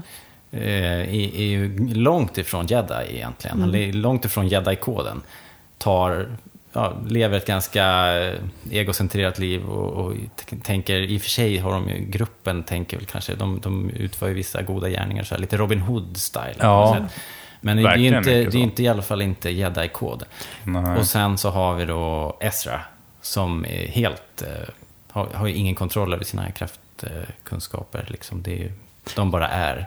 För än så länge känns det som att alltså, Kanan själv vet knappt vad som är gott och ont och han känns inte helt empatisk. Alltså hans empati sitter i Hera som måste berätta hela tiden Ja. för Kanan. Jo, förstår du, nu blir Ezra ledsen för att. Det är ungefär där, det är som att hon är den enda som ska se vad som för sig går mellan de här individerna på skeppet. Sen måste hon liksom styra upp och förklara för de andra. Jag tycker, tycker att hon är helt fantastisk, men jag är förvånad över att Kanan är så dålig på det. Jag menar, Han är visst, han, han, han, är inte, han är inte klar jedi, men det måste ju ändå, alltså empati måste ju ändå ligga otroligt grund, alltså vara otroligt djupt hos en jedi även i en padan, Alltså jag. han är ju, det som jag tycker är intressant med Kanan vad det gäller hans jediism, eh, det är ju att han har ju lärt sig stridsteknikerna väldigt, de sitter ju.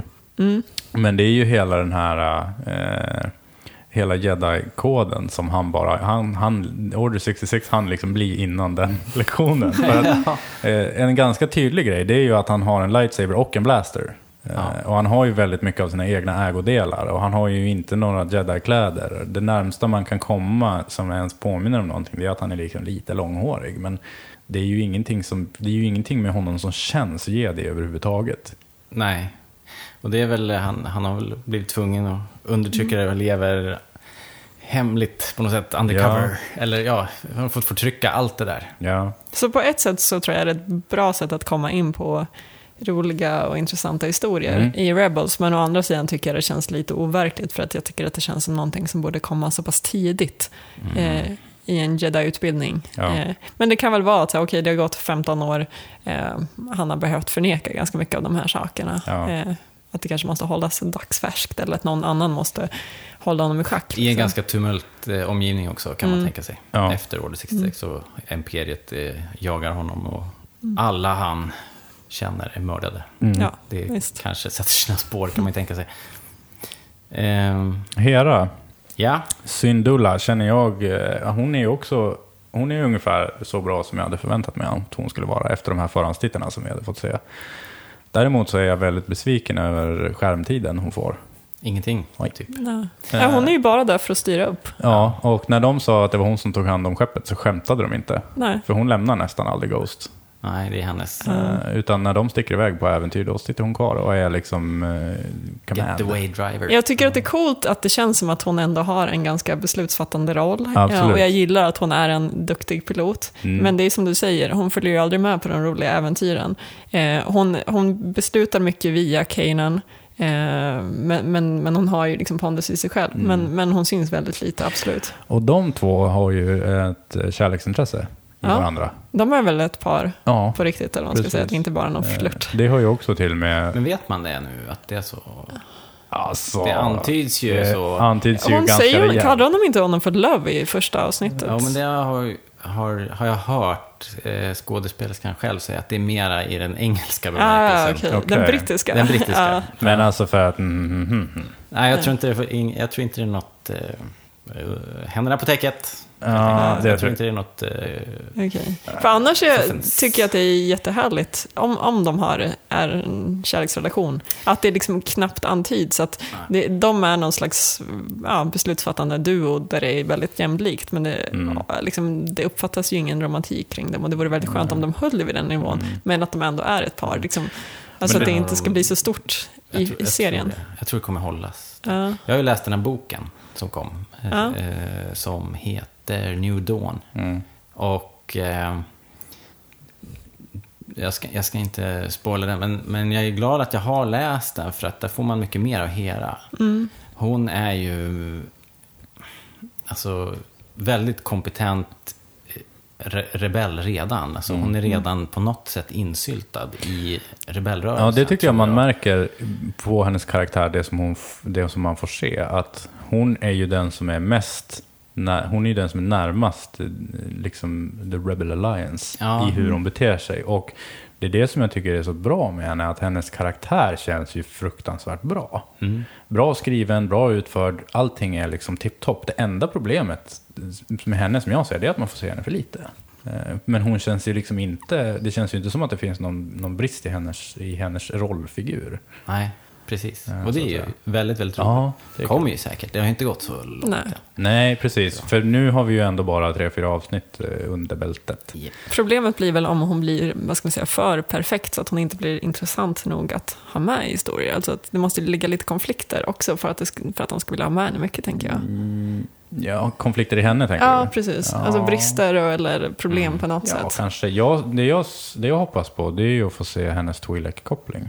Ja. Eh, För där brukar det ju vara väldigt mycket sånt. Hon heter ju Syndulla också. Ja. Och det är ju, finns ju en Syndulla-familj i Clone Wars. Ja. Ja, apropå Mm. crossovers. Mm. Så Så eh, det är väl inte omöjligt att det kommer någonting där Nej, kanske. det känns ju också Hennes- som att det skulle vara intressant. Den, den Syndulla-familjen, han hette Sham Syndulla tror jag. Han Men det är den här, um, Eller han var ju upprors... Eh, någon, någon, eh, Ledaren för Upprorsledare, uppror. Ja, precis. liksom. Han är ju med ganska mycket ändå Mm. i ja, den lilla arken. Ett ark, ja. Ja. Och det kan ju finnas en koppling där. Mm. Mm. Möjligen. Möjligen. Och det Då- kan ju också förklara varför hon då... Vet hur man ska göra. Ja. Ja. Precis. Eh, sen har vi min personliga favorit, tror jag. Eh, Sabine Wren. Eller Sabine. Vad är det man säger? Sabine. Sabine säger de. Sabine tror jag. Mm. Eh, Heter hon Ren? Ren? W-R-E-N. Okej. Ren. Eh, hon är jättehäftig. Uh, Mandalorian-karaktären Mm. som vi får se. Och eh, hon är ju väldigt speciell i sitt sätt att vara tycker jag. Jämfört med, eh, jämfört med kanske andra, eh, andra karaktärer. För det som, jag tycker känns, det som jag tycker känns bäst med henne det är att hon är så himla fokuserad Mm. på det hon ska göra. Hon vet precis vad hon ska göra alltid. Eh, för det känns väldigt sällan som att hon står och bara oj, på samma sätt som de andra gör. För de är ju så här, ja vi måste springa dit och så springer de dit. Och sen så bara, vad gör vi nu? Och då har, i den här liknelsen då, så har eh, Sabine redan funderat ut vad de ska göra när de kommer fram. Ja, hon, Varvid de andra är så här, uh, hon apterar redan sprängladdningarna. Då. Ja. Ja, precis. Men hon känns ju väldigt kunnig inom vad ska man säga, stridskonst eller militär strategi eller Ja. någonting sånt där. Lite förvånande också eftersom hon ska vara ganska ung. Men jag vet inte riktigt ifall man någonsin får komma få reda på hennes bakgrund och hur hon har blivit tränad. Men hon verkar ju den mest kompetenta när det gäller eh, krigsföring. Mm. Ja. Det är någonting som jag är intresserad av att se, det är ju om de kommer att gå och gräva i hennes bakgrund. Jag hoppas ju att de kommer att göra det. Eh, Och jag tror att de kommer att göra det med allihopa. Det är ju att se hur Rebels tacklar kopplingen mellan pacifist Mandalore, som de har i Clone Wars, Mm. till stridsfolks Mandalore som Sabine verkar komma ifrån. Eh, Death Watch. Ja, precis. Mm. Men det ska bli kul att se vad de gör utav det. Ja. Jag hoppas ju att det ska finnas en koppling mellan henne och Bo Katan. Ja, det vore ju Eh, fantastiskt. Ja, det vore roligt. Ju- annars tycker jag att... Katans dotter. Ja, det är ju lite, du. det, är lite det jag hoppas på. Eh, men annars är jag lite förvånad över hur lite Mandalorian hon känns i personligheten. Mm. Eh, det är inte så mycket det här heder, liksom, jag tänkte nästan säga lite matchkultur, men, ja, men just det här att det, eh, hon lägger inte så mycket prestige i, i det hon gör, utan hon bara kör på. Hon är ganska trevlig också, Mm. som inte riktigt kanske passar en Mandalorian. Hela den Mandalorian-biten med strid och heder och prestige har ju nya Star Wars gått ifrån ganska mycket. Dels med att de gjorde Mandalore eh, passivt, Mm, pacifistiskt, pacifist, ja. heter det. Men sen eh, innan Clone Wars, då hade ju klonerna och deras utbildare eh, i Star Wars-mytologin var ju, hade ju en betydligt mycket starkare koppling till Mandalore. Och det var innan det var ett, eh, ett pacifistiskt samhälle. Mm. Och klonerna i Clone Wars, de använder ju eh, Mandalores ikonografi på sina rustningar. Alltså, eh, Rex har ju bland annat såna här eh, Jade Eyes, alltså såna här, hans ögon som han har på hjälmen. Ja. Eh, det är ju också, det är en väldigt tydlig sån där eh, Okej. grej som då, eh, om det ska komma ifrån Django eller om det ska komma ifrån någon annan av, i EU så har, har det varit eh, Mandalorian-krigare som har utbildat klonerna och sånt där. Okej. Eh, och det släppte de. Det finns ett gäng bra böcker om det som, eh, som finns att läsa, som tyvärr har blivit lite omskrivna av Clone Wars. Eh, då de helt går ifrån det. Då Mandalore inte är Det var en- lite ett livat. Det var heter- väldigt livat. Vad heter författaren nu igen? Karen Travis. Och böckerna heter Republic Commando, heter serien. Och så heter den första heter typ First Contact. Okej. De rekommenderar jag varmt, även om, de inte, även om det blir lite, lite grus i huvudet. eh, där blev det ju ett väldigt liv Ja, när de ändrade det. Hon som författare, hon, eh, hon surnar hon av, rage-quittade ju. Ja, eh, för att hon, hon tänker inte skriva hon tänker inte skriva böcker om, om, eh, om ett gäng pacifister. Nej, men sen var det väl att de, de bara ryckte undan mattan. Och Ja. Det som hon hade jobbat med så länge var Mm. helt... Ja, det strök de. Eh, så att det, det, det fick bli en sån här Legends-grej Ja, nu då. Men sen så la de ju till eh, de, det finns ju fortfarande det gänget, just Death Watch, som fortfarande har kvar de här värderingarna ifrån gamla Mandalore eller vad det Mm. ska bli. Eh, så det jag vill komma fram till är väl precis det som jag redan har sagt, att det ska bli kul att se om eh, Rebels tar i den, eh, Ja, heta potatisen. Man vill, så, jag- man vill så jäkla gärna veta Mm. vilka de här personerna är, var de kommer ifrån och vad som Ja. har hänt dem och Visst. allting. Så Ja, jag tycker att hennes det har bakgrund känns nästan med. mest intressant just för att hon är så olik det Mm. man tänker en typisk Mandalore. Men hon kan allt det praktiska Ja, från vid sin 16 kultur. års ålder, Ja, det är det inte dåligt. Ja. Mm. Vad tror ni då om, om vi ska... Det här som vi såg när man, när man eh, freeze-framade genom avsnittet så såg man ju Embo och eh, Cad Bane eh, på väggen i hennes rum. Ja. Mm. Vem, vart har hon lärt sig sina... Ja, hur känner hon dem? Mm. Och eh, har de någonting med hennes utbildning att göra kanske? Ja. ja, absolut. Eh, vi kommer att lägga upp en bild på det och eh, som vi nämnde tidigare, så det man får se är alltså i en scen ifrån eh, skeppet Ghost när Sabine står och pratar eller de gör någonting. Får man se in i hennes rum, eh, bara genom en dörrspringa och där på väggen så har hon målat Cad Bane och eh, Embo på väggen. Och eh, hon är ju som sagt, en- del av hennes personlighet som inte är eh, stridsgrejerna är ju hennes konst, eh, eller hennes estetiska sida. Att hon alltid ska göra allting och få, hon, hon sprayar ju eh, graffiti, som de kallar det för. Sen när de visar grejerna så är det typ så här en femåring som har målat. så jag tycker att det var lite så här, okej då. Men eh, Det är sen lite så, cute. Ja, det är väldigt gulligt. Och sånt. Men Cat Bane, en bow, kanske inte steget så långt till Boba Fett. Nej. eh, Nej, just det. Tänker jag. Mm. Om vi nu ska ta Sabine Mm. och de två. En kan hoppas. Nu kokar hjärnan här. Hur gammal är Boba nu? Boba är väl 30? In his prime. Ja, 30 Han kan inte vara Han är ungefär far. 10 i Alltså Clone han är, ju, han är ju ungefär i 30-årsåldern. Ja. Och det är ju, som vi alla vet, i 30-årsåldern som man är som allra bäst. Sen blir det bara sämre. ja, min bror sa till mig när jag fyllde 25 att från och med nu går det bara, blir det bara sämre. Ja, så är det ju också. Så att, eh, Ehm, men eh, På tal om Sabine förresten. Ja. Eh, det finns ju en sak som jag är lite orolig för och det är ju Ezras trånande efter Ja, henne. herregud. Jag trodde att det bara skulle hålla sig i första avsnittet men det verkar hålla sig kvar. ja, Eh, där, det känns helt fel. Det känns som att bara dra ner hennes Ja, karaktär har till ingenting- nivå och inte tvärtom. nej, jag känner samma sak, att det har ingenting i det här. Det är bara så här, varenda gång det händer så rycks jag ifrån avsnittet. Ja. Och så Ja. bara, nu sitter jag här i mitt vardagsrum och tittar på någonting som är jättekonstigt. Och Det inte som känns bra är ju att eh, Sabine verkar ju inte ge någonting tillbaka där. Hon verkar inte dugg intresserad, så jag hoppas att det aldrig kan bli någonting. Eh, jag hoppas ju också lite att de håller kvar vid lite så här, den klassiska Hollywood-tänket att eh, eh, äldre, tjejerna får inte vara äldre än killarna ungefär. Mm. Men det har de ju redan misslyckats med en gång i och med Padme och Anakin. Så Ja, att, men eh, eh, ja. för det som, det, som, det som man får se är ju alltså att Estra går och småraggar på henne hela tiden. ja. Eh, och det blir tjatigt direkt, tycker jag. Ja, hon håller honom jävligt kort i alla fall. Det är Ja. Ja. Och det är ju väldigt Skönt så att det inte är så här... Mm. gick. Eh, vad tänker ni om Seb då? Som- Gareth Zeb Aurelius. Ja, Eh, han har ju fått rätt mycket att göra ändå. Och där har vi ju fått lite backstory också. ja. Hans, vad heter, vad heter eh, hans folk nu då? Det har jag glömt bort. De är i alla fall i princip utrotade av Imperiet. Ja. Och sen, han var ju en Royal Guard på det där, eh, på sin hemplanet. Ja, just bland det. folk. Någon sorts, eh, ja just det, honor guard. Ja, alltså typ eh, eliten. Ja. Och eh, jag fattar inte, jag får inte alls det att gå ihop med Seb. Jag är jättebesviken på Hans hans stridskonst förklarar ju, Mm. alltså bakgrunden förklarar hans stridskonst. är inte... Nej, han är ju en väldigt ohövlig person. Alltså, han, ja, men sen, alltså det är en sak om man är liksom lite, lite otrevlig. Men det finns ju vissa grejer då han är en rent svag rollfigur. Alltså han fattar dåliga beslut, han ljuger för sin egen besättning.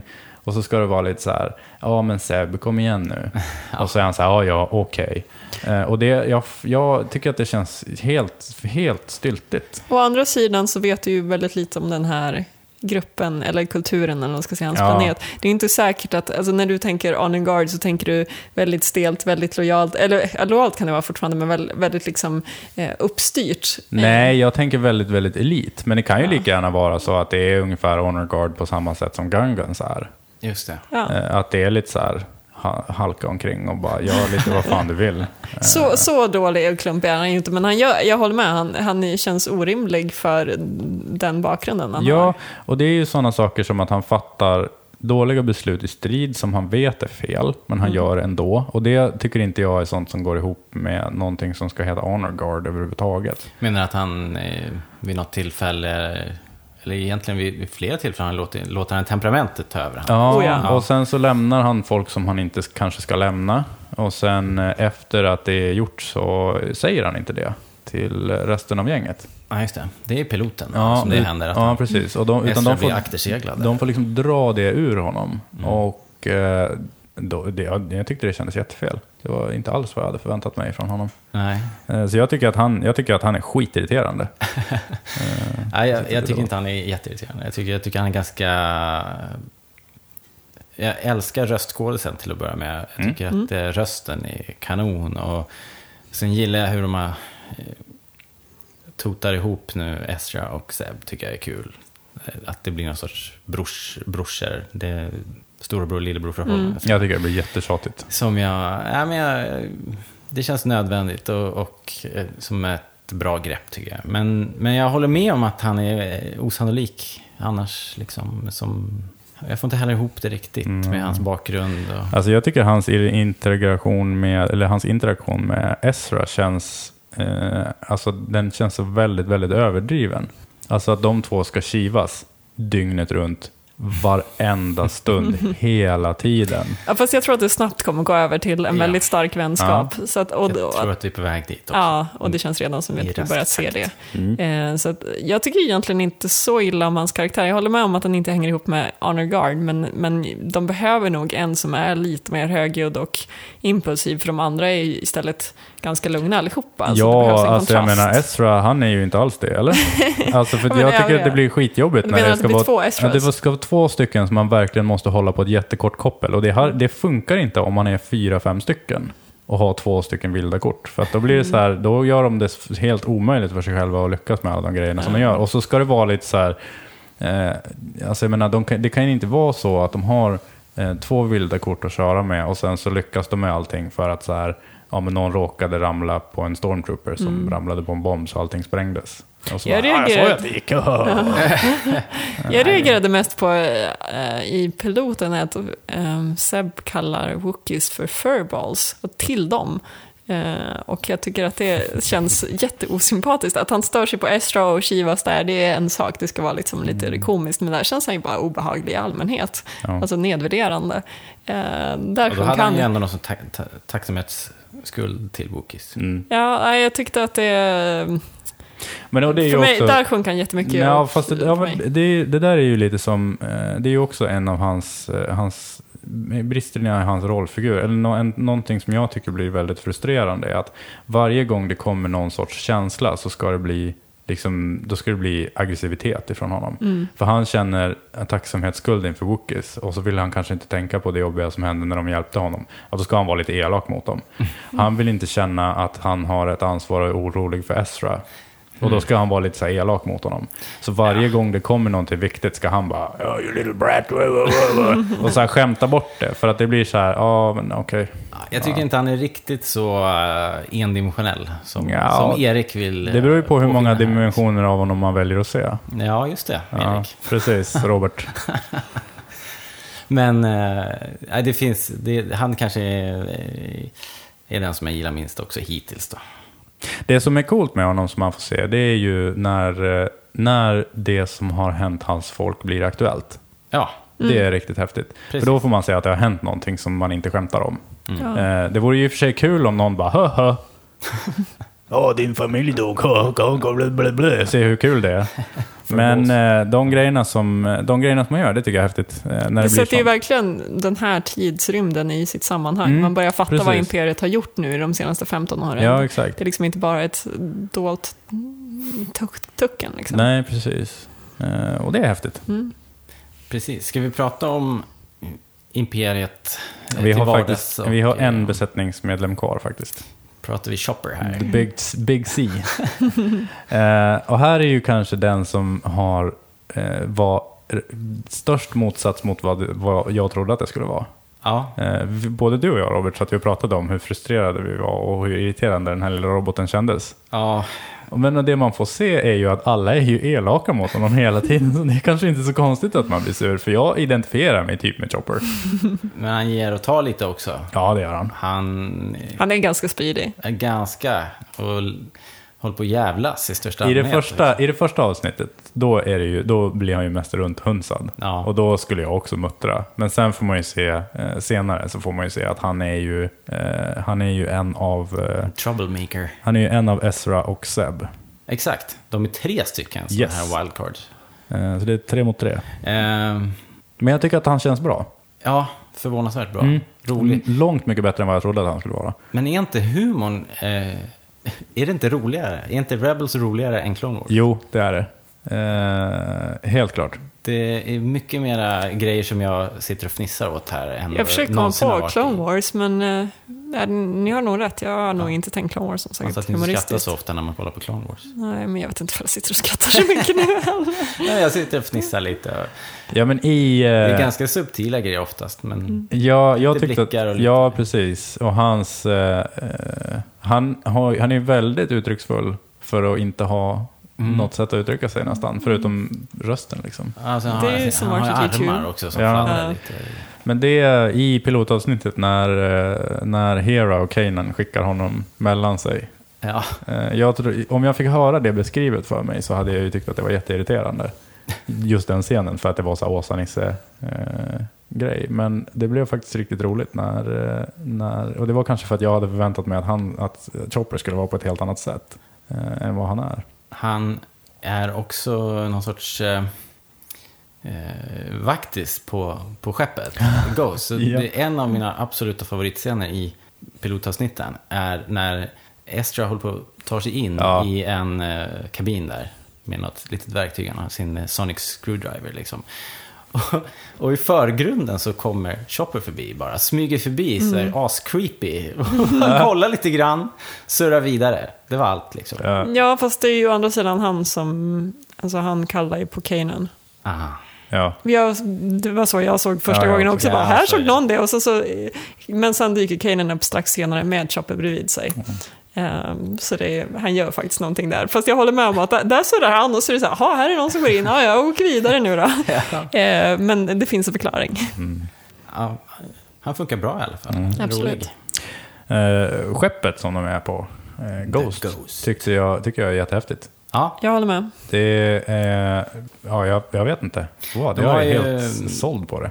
De har ju ascool teknik också. Eh, Det är ingen cloaking device, men de har en annan. De har någon sorts eh, omprogrammerbar eh, sån här... Transponder. Transponder, så att de kan, de kan försvinna och anta identiteter. Ja. är därför det heter Ghost. De körde ju också hela vägen upp till en Star Destroyer utan att synas på något sätt.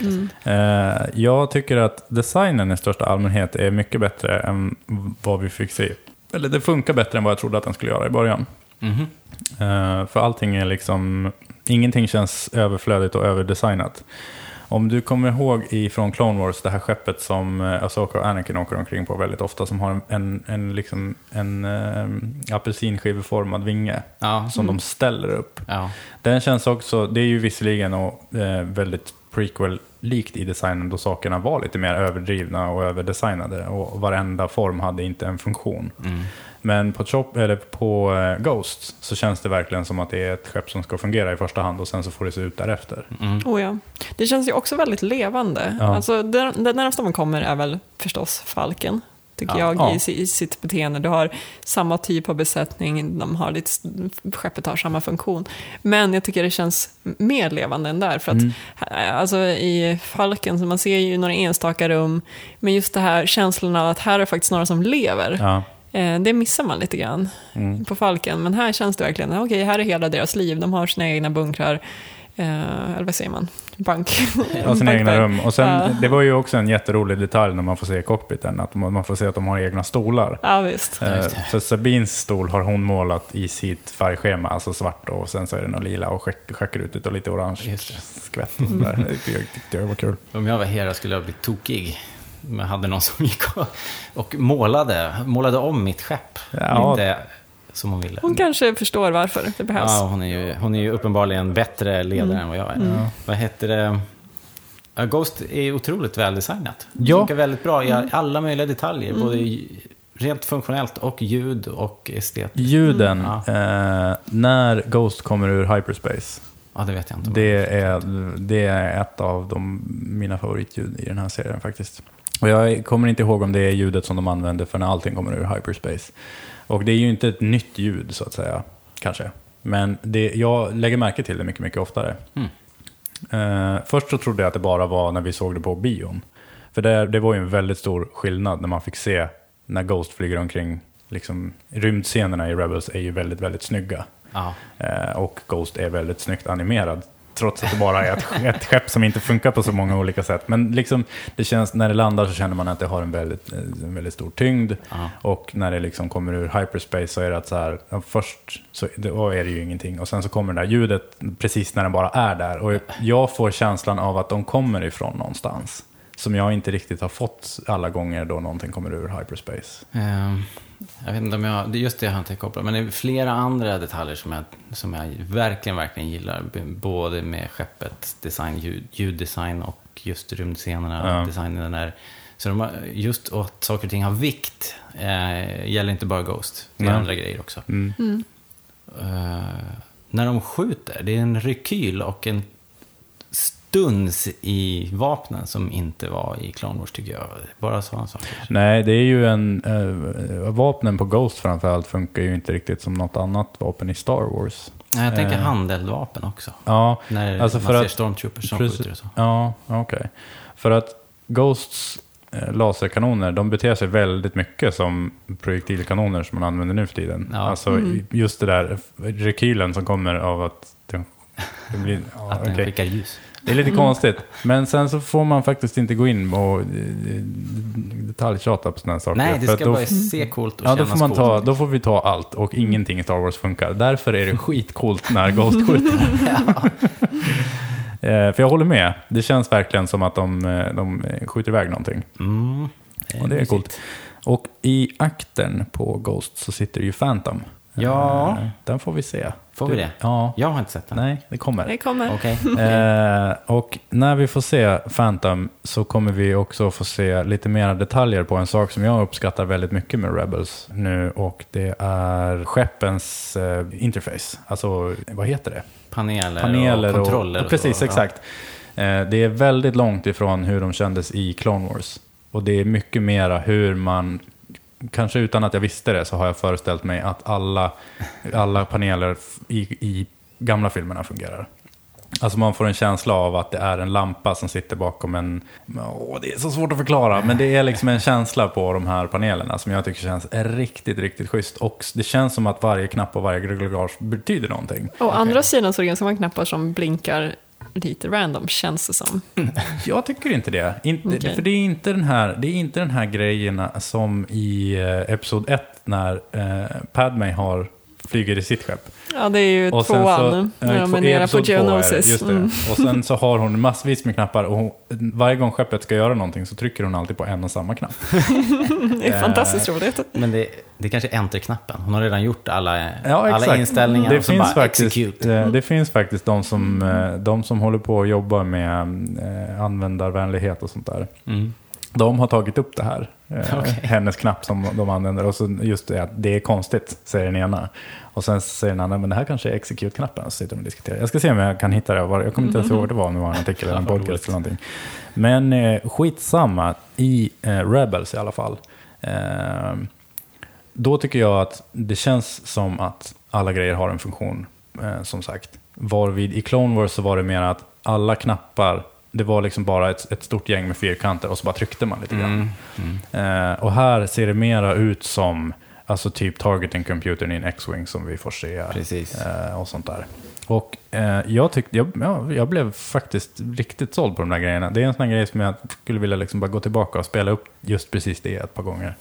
Ja, det är Eh. Bara för att det är så snyggt. Man gillar cockpiten i, på Ghost och eh, jag tycker TIE Fighten också har vi fått sett Mm. extrem detalj nu Mm. som man det. aldrig har fått göra någon, i något sammanhang förut. Nej. Så det ser ju väldigt bra ut. Det är kul. Mm, verkligen. Supercoolt. Och det är gängets eh, karaktärer i princip. För jag räknar nästan Ghost som en av karaktärerna i, i gänget på sätt och vis. Ja, Ja, absolut. det. det. Även fast den inte har en riktig personlighet. För Ja. den är ju inte en AI liksom. Men Ghost, eh, Hera och Chopper känns ju som en väldigt given kombination Ja, som precis. hänger ihop na- väldigt naturligt eh, och sköter, sköter sig som en enhet på något vis. Så känner jag i varje fall. Mm. Absolut. Och alla de här eh, uppbyggnaden på den här konstellationen tycker jag är väldigt lik eh, hur ett rollspel fungerar. Jag håller med väldigt mycket. Alltså att det är, eh, och både om man tar Star Wars-rollspelen som vi har pratat om tidigare i Rebellradion, alltså Age of Rebellion eller Edge of the Empire, eller den nyss utkomna Force and Destiny för den delen. Eh, Eller om man går tillbaka till Knights of the Old Republic, som på sätt och vis också är rollspel, så är det uppbyggt på nästan, jag tycker att det känns som att det är uppbyggt på exakt samma sätt. Och där skiljer det sig väldigt mycket från Clone Wars, som var stickprov ur en långtgående grej, och in, ingen var kanske riktigt huvud, huvud det fanns ingen, som- ingenting som var huvudstoryn egentligen. Nej, ingen sån tight grupp. Precis. Eh, Medan här så är det de här och de utgår härifrån och sen så har de ett övergripande uppdrag och sen så får de sidequests på samma sätt som man får sidequests i ett, eh, i ett rollspel. Framför allt då är, jag tycker mest att det är lik Knights of the Old Republic, för där är det verkligen samma sak. Man har ett gäng, den ena är en robot, den ena är mm, och så är det lite sådär. Och sen så har man sitt skepp som man kan åka ifrån och så sen ska du ut, eh, liksom utföra en, en, en övergripande handling. Och på vägen dit så är det någon som frågar om du kan hjälpa dem för att de har tappat sin fruktskål. ja. Och så gör du det och så kommer det stormtroopers och så bara... Det är mycket fruktproblem i Star Wars. Ja. Ja, eh, generellt sett. så det så. Mm. Ja, nej, men det är ju likt Knights of the Old Republic, men också likt alltså, klassiska rollspel. Ja, Både ja, det datorspel ju inte- och eh, bordsrollspel. Eh, att ha ett party, få lite missions, utföra. Precis, ja, Knights of the Old Republic kommer ju kanske inte på det formatet. Nej. Eh, Men det är just, eh, det är väl för att det är kopplingen till Star Wars. Ja, i Star tycker Wars att det är setting så väldigt känns de likt. extremt lika. Mm. Eh, Tror ni de kan, kommer att kunna hålla konceptet eller kommer de att liksom eh, trassla in sig i The Rebellion? Kommer det bli större än så här? Om det får gå en säsong nu? Jag tror att det blir större. Jag tror att det blir för tjatigt att ha Mm. samma gäng hela tiden. Jag tror eh, serien kommer säkert handla om samma gäng, men jag hoppas att det blir betydligt mer storskaligt. Mm. Mm. Jag hoppas på det, men jag har, känner inte att jag, jag hoppas att de inte har för bråttom dit. Nej, inte eh, precis. Nej, absolut inte. Utan, Vi kan ha mycket roligt här först. Mm. Ja, och jag tror att de vet om det. Ja, Jag skulle bli förvånad om de hade glömt bort liksom vad de gjorde med Clone Wars. För då har de ändå väldigt lite. De har en väldigt lite tidsspann att röra sig på egentligen. Mm. Men de klämde ju in, alltså de har ju visat hela Clone Wars i princip. Ja, Eh, allting som hände däremellan för att fan, nu får det inte plats något mer nästan. Eh, vilket det självklart gör då, men eh, då blev det väldigt mycket på väldigt kort tid. Och jag hoppas att de kan hålla kvar det, men ta det lite lugnare nu. Så att vi inte har, alltså att vi inte har bråttom att hoppa år. Framförallt inte i en säsong. mm. Så att det går för fort i en säsong. Jag skulle gärna se att den första säsongen så tar de det lugnt och så gör de det här nu. Och så kan vi liksom, kan jag nöja mig väldigt bra så. Med att det inte går för fort. Sen i nästa säsong så skulle jag gärna se att det har gått en, en bra stund. Så att det har hänt någonting. Så karaktärerna har blivit äldre. Det är väl det jag är ute efter mest kanske. Men eh, jag känner inte att, att jag har bråttom ifrån det. Det jag däremot skulle känna mig redo att lämna, det är ju den här planeten Lothal. Ja, Ja. okej. Ehm, vad heter det? Jag, jag gillar ju Lothal, hur det ser ut och så. Jag tycker att det... Estetiskt så har det överträffat mina förväntningar med hästlängder. Jag tycker det är otroligt vackert att titta på. Okej. Och jag trodde faktiskt inte Jag trodde att nu med mm, Clone Wars är slut, den budgeten som de hade på Clone Wars är slut. det här kostar eh, mycket, mycket mindre att producera tydligen. Jag har inga siffror, men, men det är vad jag har förstått. Liksom. Mm. Så, men jag tycker inte det märks. Jag tycker att eh, Lothal är, är fint, även om i början av en tv-serie så är det lite fattigt för att vi återser samma bakgrundsfigurer om och om igen. De, de har kanske, vad det nu kan vara, det är säkert inte mer än tio karaktärer Nej. som snurrar runt. Nej. Och det blir, de ju- det blir lite plågsamt uppenbart ibland. Ja, det där har de ju erkänt i några av de här bakomscenerna. Okej, Eh, att så här, ja, vi åker igenom samma gränder. Liksom. ja, just det. precis. Eh, Vrider på vinklarna så är det samma sak. Och där fattar man ju, där, då, först så tänker man ju att det är lite konstigt, men så här, hallå, det är, ju- det är ju inte fysiska gränder och Nej. fysiska kulisser som ni måste bygga. Eh, men det är ju ändå eh, väldigt, väldigt krävande tidsmässigt, vilket Ja. då gör att det är krävande pengamässigt att göra göra nya miljöer. Ja, Då får de åt- idissla lite grann. precis. Jag håller ju inte alls med dig Robert om Lothal. Jag tycker att det är platt och tråkigt. Ja, och med. totalt ointressant. Jag, ja. ty jag tycker staden är blek och känns pytteliten. Eh, jag vet inte, för jag antar att det ska vara huvudstaden på Lothal Ja, på något vis. men Och, och det känns som en liten by. Eh, jag, tycker att, jag tycker det känns som en gräsig Tatooine. Ja, Fast utan and Villainy. Så då är det Ja. ingenting kvar, det är bara så här farmers. Eh, Jag, jag är väl kanske, jag tror att jag är någonstans mitt emellan er två. Eh, alltså jag kan uppskatta estetiken eh, och jag tycker att det är fint. Men det blir lite för lite. För att det känns som, eh, alltså det känns som att de har gjort det väldigt, väldigt enkelt för sig själva, vilket de har. För att de kanske måste göra det. Men det blir liksom så här, det blir samma ställen inne i stan hela tiden. Och om det inte är inne i stan, då är det utanför Tre, då är det i- emellan tre stycken av de här liksom bollformade blocken de som här står där. Ja, exakt. Och, bautastenarna bara, och, och, och emellan de här tre så finns den här handlaren. Och sen så går du vidare så här, och emellan de här tre så finns det någonting annat. Ja, men det där är, jag förstår precis vad ni menar och allt det där är helt sant. Liksom. Men jag köper det ändå. Jag tycker att det känns som en så här backwater-planet. Det händer ingenting där. Men Imperiet, Imperiet har byggt en fabrik här där de tydligen bygger TIE Fighters. Eh, Det är ju intressant. Men, men jag ska Ja. bara säga att jag har tålamod. Därför att jag tycker att de har ju- de, det är kvalitet. Man ser de här karaktärerna, man ser, jag såg ju de här frukthandlarna som stod och, och eh, som, som Seb och Ezra trashar deras grejer. Så här. De, de är ehm, bra gjorda, de har kvalitet, ansiktsuttryck och fast det är eh, Rodians så, här, så ser man liksom hur, hur, hur de har uttryck, ögonen eh, är väldigt uttrycksfulla och sådär. Jag tror de, har, de lägger ganska mycket krut på det och jag tror att det kommer betala sig. Jag tror att när de fortsätter att bygga upp de här eh, eh, liksom katalogen med figurer och karaktärer så kommer det bli en väldigt rik värld som vi kommer få, få röra oss i. Men det är lite fattigt nu. Jag, är hoppas ju på säsongen. Tarkin City eller vad den kallas för. Tarkin Town. Tarkin. Town. Ja, jag tycker det var jättehäftigt. Mm. Eh, För att det ger känsla av Imperiet som riktiga skurkar och inte bara som de här lite halvstela TIE Fighter-piloterna. Eh, och jag tycker att eh, det känns som att de borde kunna hitta, det borde finnas potential i en sån eh, by.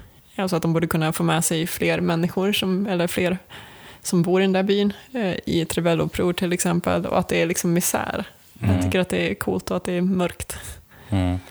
Men Tarkintown, kändes inte det väldigt mycket som ett så här, tältläger på andra sidan kullen bara? Eller? Jo. Jo, men jag tror, jag tror att det kan finnas någonting att jobba med där. Ja, ja. Jo, Eh, jag, säger, jag säger inte att det är så vackert uppbyggt, jag menar mest bara att det, det gör Koncept. eh, pilot, eller planeten lite intressant. Alltså Ja. jag känner att, eh, att jag känner inte, jag ser liksom inte fram emot att de ska göra Lothal till så här, det är där Rebels utspelar sig.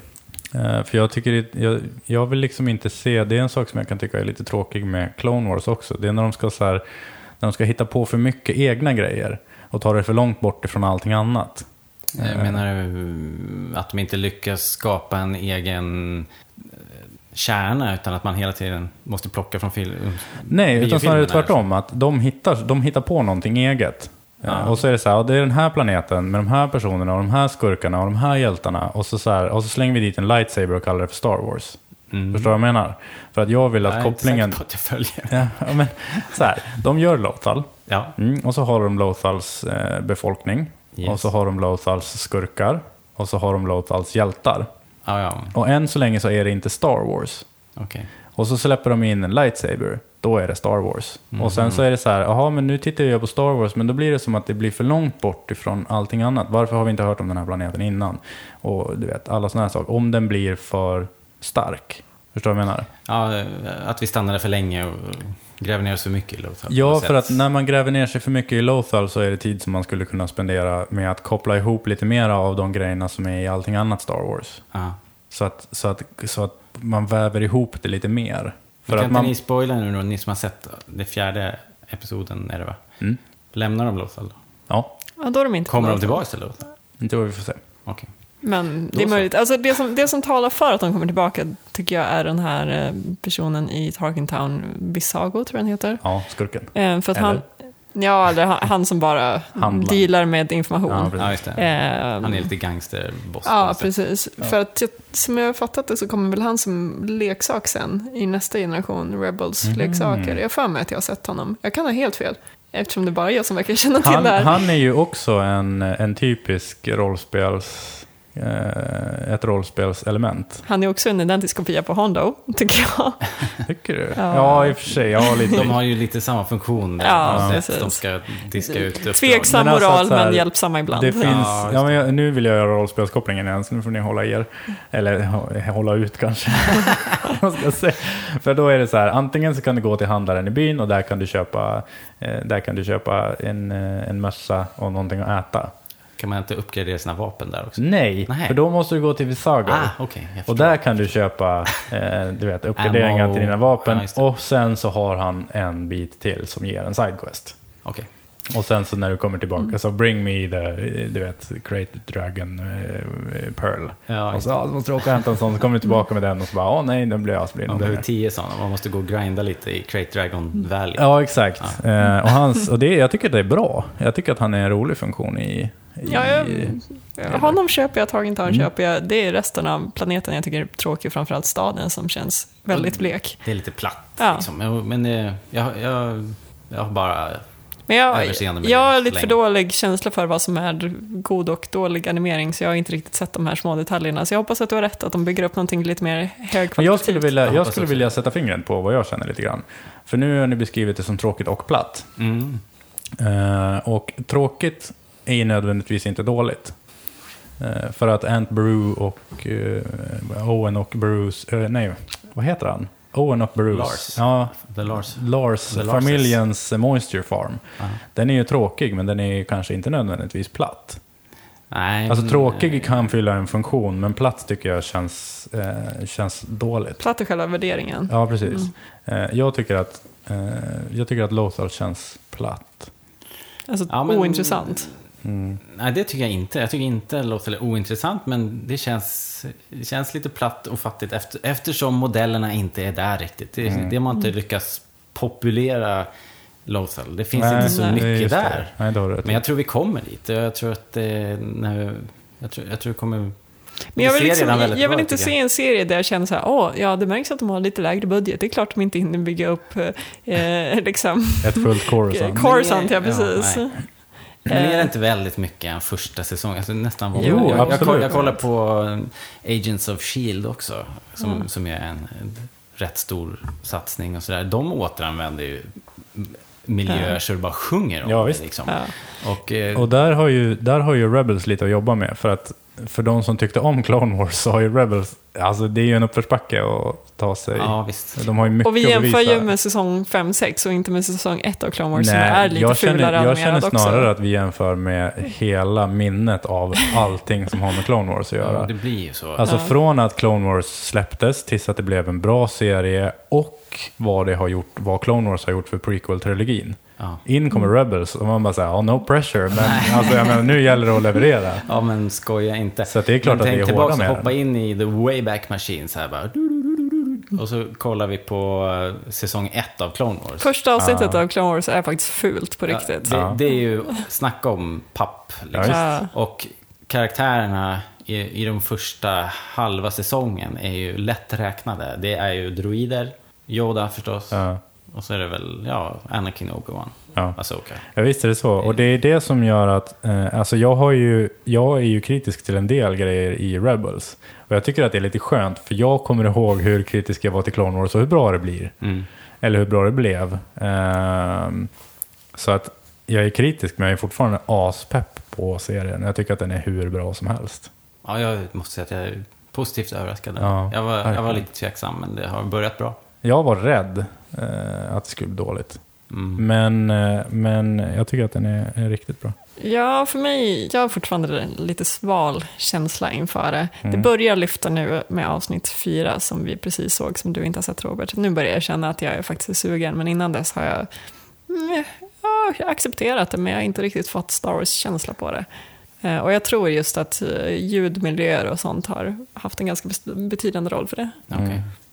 Det är väl eh, också mycket så här ex exposition, man ska lära känna de här Ja, karaktärerna. Mm. Och allt det här har vi som 30-plussare sett en miljon gånger Ja. i en Ja. miljon tv-serier. Man, ja. Ja, de är ju upp- uppbyggda på samma sätt och det går nästan inte att byta. Eller det är svårt att ändra konceptet på det. Ja, Ja. Det, det är små variationer, Ja. samma grej. Liksom. Någonting som jag tycker känns skönt med Rebels nu med fyra avsnitt sedda, eh, det är att den är lite...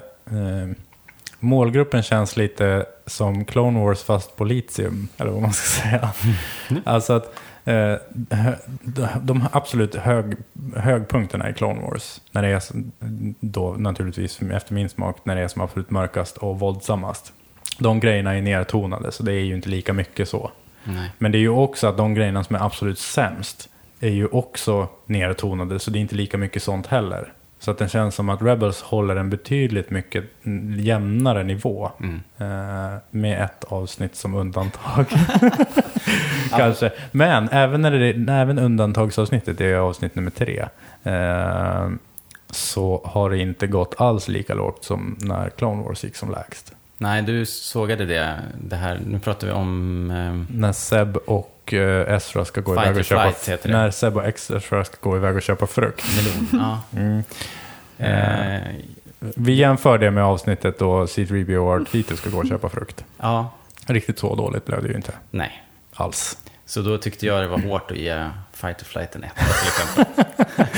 Ja. Men, eh, och sen har jag faktiskt sett Fight or Flight igen en eller två gånger. Och, och det, det har betydligt mer än, än, än...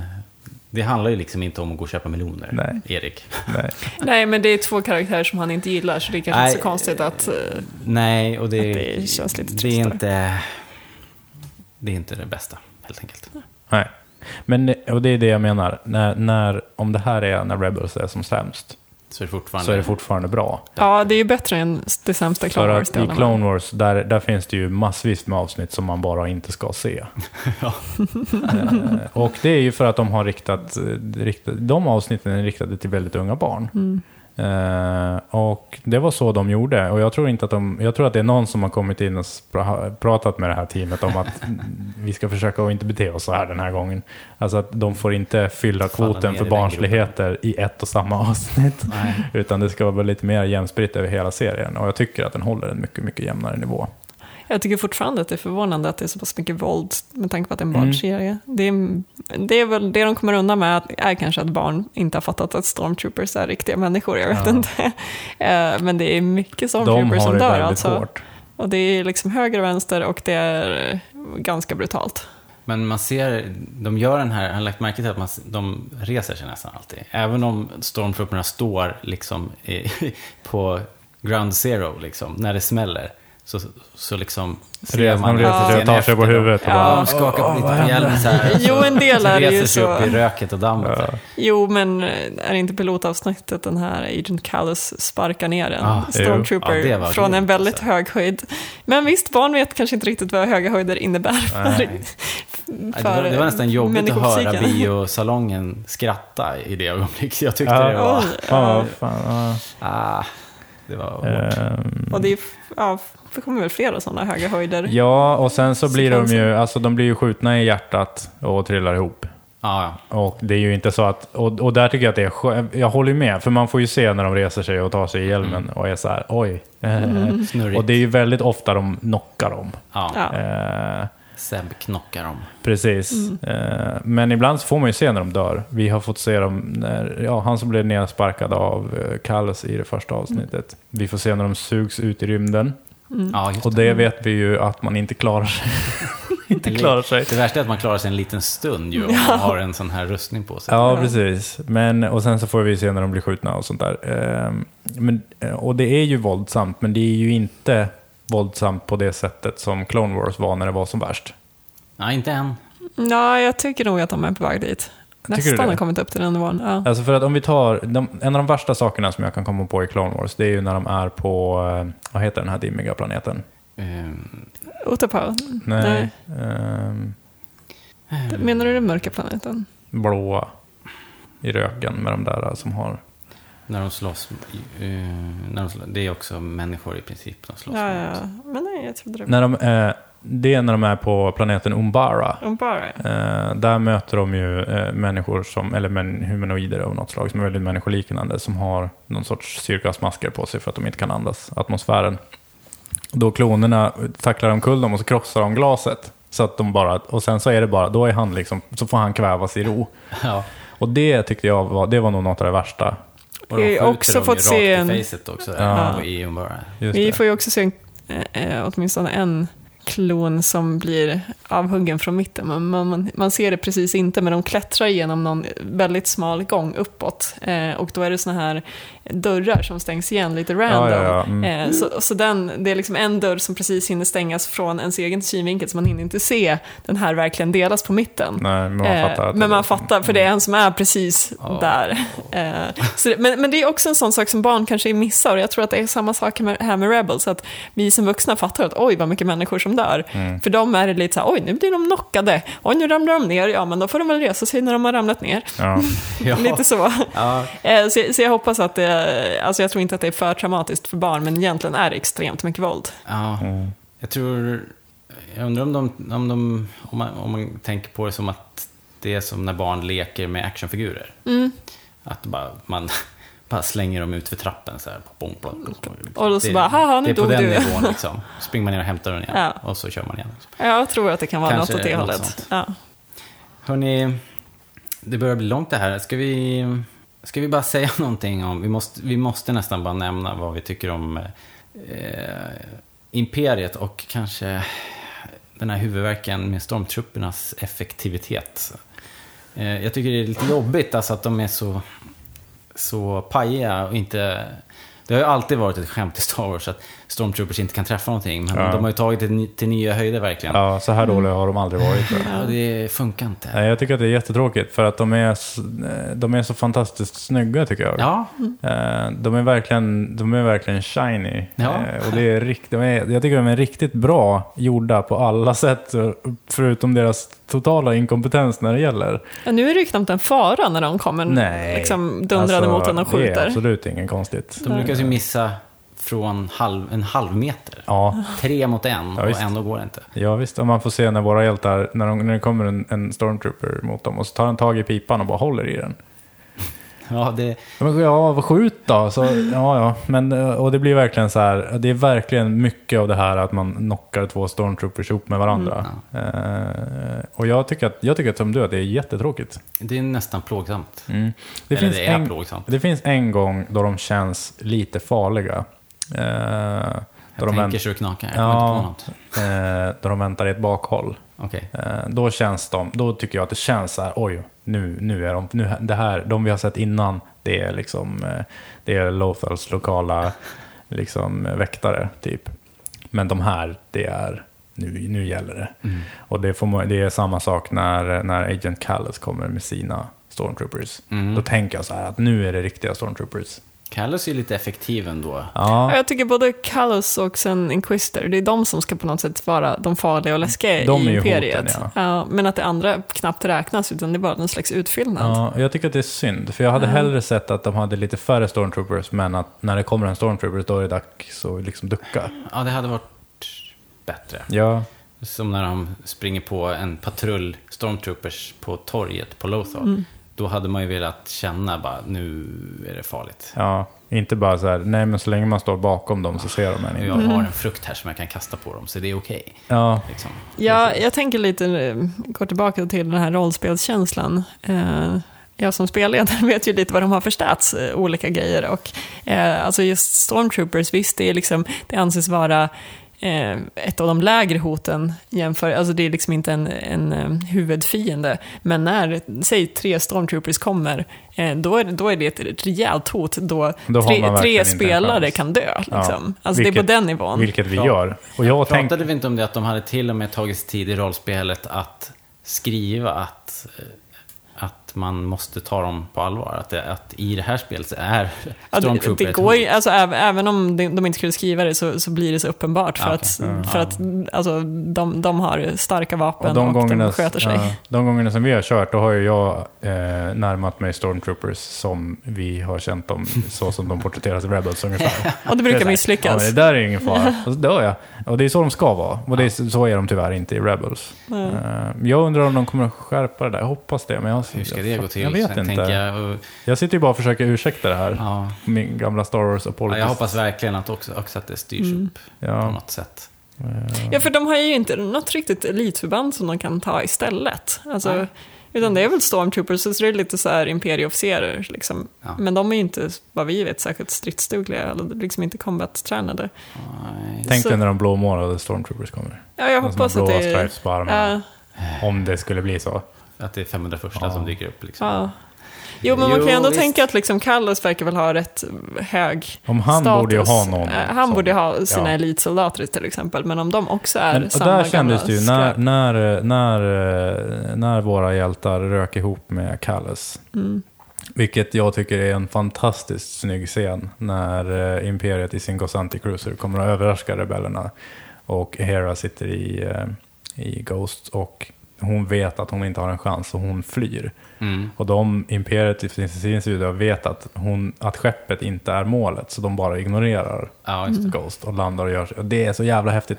Men i alla fall, då när Agent Callis och hans Stormtroopers kommer, då, börjar, då är det ju så att eh, rebellerna börjar liksom, de börjar ta skydd och börjar dra sig därifrån. Så att där tyckte jag att de kändes lite mer kompetent, kompetenta. Mm. Eh, men sen samtidigt inte, för att Men direkt i- efter så blev det lite av det här med att man kan knacka dem på axeln och springa åt andra hållet. Ja. ja, jo, eh, där kanske det varit eh, på acceptabel nivå då. då. Mm. Men det har ju varit alldeles för tramsigt Ja, i övrigt. Så. Det, det, Tyvärr fortsätter det så Jobbigt. i, eh, i avsnitt fyra. Damn it. Ja. Ja, ja. Men den sista saken med Star Wars Rebels, vi är ju vi är ju väldigt nöjda, men det är ju, eh, nu när vi ändå är inne och gnäller lite grann, då kan vi ju nämna eh, produktionskvaliteten på avsnitten eh, vad det gäller dataanimeringen. Jag tycker att den är lite sådär. Eh, Förutom rymdscenerna som är långt mycket snyggare än vad Clone Wars var. Eh, Du, tänk, du tänker igen på att rymdskeppen rör sig bra, har vikt Ja, och... men även som, som jag nämnde ljudet när de kommer ur hyperspace. Ja. och sånt där. Jag tycker att rymden känns mera högupplöst nu än vad den gjorde i Clone Wars. Okej, ja just det. De hade en, de hade en viss, ehm, alltså en teknik i, i Clone Wars eh, som gjorde att det var ofta rätt så grova um, penseldrag. Mm. Ehm, som gjorde att det kanske såg lite lågupplöst ut. Ja, jag vet inte. För här tycker jag att det känns som att de är utanför en atmosfär och därför i rymden.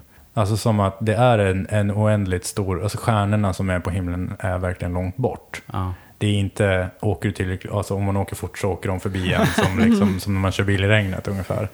Eh, utan jag får känslan av att rymden är rymden. Och det är inte ofta man får det i Star Wars. För de brukar inte behandla rymden som rymden riktigt. Mm, nej, det brukar inte vara så mycket stjärnor och så eh, egentligen. Nej, det är ett par stycken. Men, och sen också när de ska in och ur, eh, liksom, eh, vad- heter det, dockan på en, eh, en Star Destroyer. Mm. Jag tycker att det känns liksom riktigt bra faktiskt. De har, har ju kopierat eh, kameravinklar och, Ja. och lär ju ska använda samma, jag vet inte hur man, hur man översätter det, från en fysisk lins till en lins Mm. som man använder när man renderar animerat, det vet jag inte, men tydligen kan man göra det. Ja, det är inte Så de har lagt svårt. mycket energi på det, att det ska vara samma liksom, Brännvidd. och, Ja. och vinklar. Mm. Och det märks ju särskilt, tycker jag, i, i eh, pilotavsnittet. Mm. Det är ju flera Det är ju en är väldigt direkt tydlig koppling lyfta. mellan originalfilmerna. Eh, Mm. Vilket på ett sätt är härligt, alltså det är samma est- estetik, Mm. eller ungefär. Eh, och det, det känns ju ungefär som samma värld. Mm. Och jag tycker att, att det till viss del kan vara ganska mysigt och det är liksom skönt att veta, man, man kä- känner verkligen vart de är i tiden. Eh, det som känns tråkigt är just att de också, eh, att, att det blir, känns som att de använder sig av samma begränsningar också. Jag tror det Ja, ska bli just det. lite för likt. Mm. Eh, Men det kanske var modernt för 30 år sedan, men just nu är vi liksom vana vid snabba kameraåkningar och den typen av eh, filmning. Ja, Eh, och, det då, och jag- då tycker jag det liksom, då känns det lite stelt igen för att det, liksom, det blir samma tempo som originalfilmerna. Det enda som jag är rädd för där, det är att de använder dåtidens eh, liksom begränsningar på antal saker till exempel. Mm. Alltså att så här, vi får aldrig se fler än fyra stormtroopers i bild, för det fanns inte fler än fyra stormtrooper-rustningar, typ sådana saker. Jag tror inte att de kommer göra det.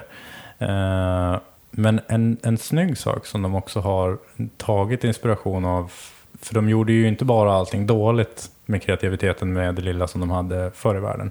Det är ju till exempel hur, eh, hur TIE Fighter explosionerna ser ut Mm. när de sprängs. För de ser verkligen nästan, de ser identiska fast lite bättre ut än i från A New Hope till exempel. Ja.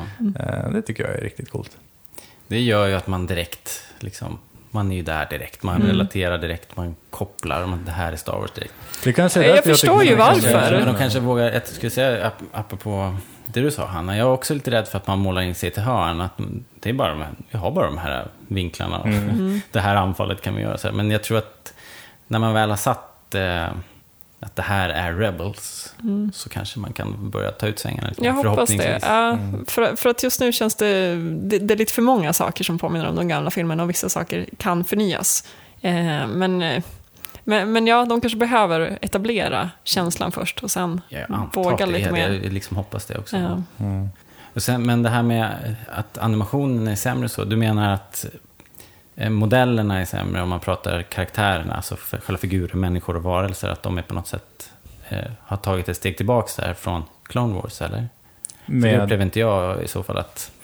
Nej, men du pratade om att anim- animationen inte kändes lika bra och så. Nej, jag tycker nog snarare att renderingen eh, inte känns lika... Eller jag vet inte, nej, det kanske är så att det det inte är... Jag är ju... Mitt minne sviker mig kanske med eh, hur jag minns Clone Wars. Som jag det jag ser tänker på det, är det sen, alltså så är det det ljussättningen som inte är lika påkostad här kanske. Ja, För i det- slutet så på Clone det. Wars var det ju så här, såg ju bara helt galet bra Ja. ut Mm. liksom. De här, jag tänker på de här scenerna med Soka i... När hon, På det? Coruscant. Ja, jag det är ju tänker så också här, det. Det är så här Oscar moment. Ja. liksom Ja. Pixar moment, klass på det Mm. tycker Ja. jag. Men jag tycker att karaktärerna, alltså själva modellerna som de har att jobba med, med, med hur figurerna rör sig och så, det är mjukare ser bättre ut. De verkar mer uttrycksfulla och så. så jag Jag tycker det är lite för trista ansiktsuttryck. tycker det. Ja, Eh, men jag är- kommer heller inte ihåg exakt hur det var i Clone Wars. Alltså, jag, det kanske var rösterna som gjorde att det blev mer... Alltså att man minns det så mycket mer livfullt det på något sätt. kan ju men- också, alltså det är ju också en, en sak som skiljer sig mellan Clone Wars och Rebels i estetiken, som inte har så mycket med själva produktionsvärdet att göra riktigt. Det är att i Clone Wars så var ju karaktärerna mer uttrycksfulla för att de hade större ögon till exempel. Ja, precis. Så att när de rör sina ögon Mm. i Clone Wars, när de pratar, då blir det väldigt uttrycksfullt. Medan i Rebels så är det lite närmare verkl, alltså, jag menar, en verklig estetik. Eller vad man ska säga. Nu är det ju inte det. Ehm, Ja, men det, men Ja, den men är ju, den en är ju inte lika absolut. överdriven som, Nej. som Rebels, och, eller som Clone Wars. Men de har inte behärskat det de gör nu. Mm. För att nu till exempel så använder de lika små ansiktsdrag eh, som de gjorde i Clone Wars ungefär.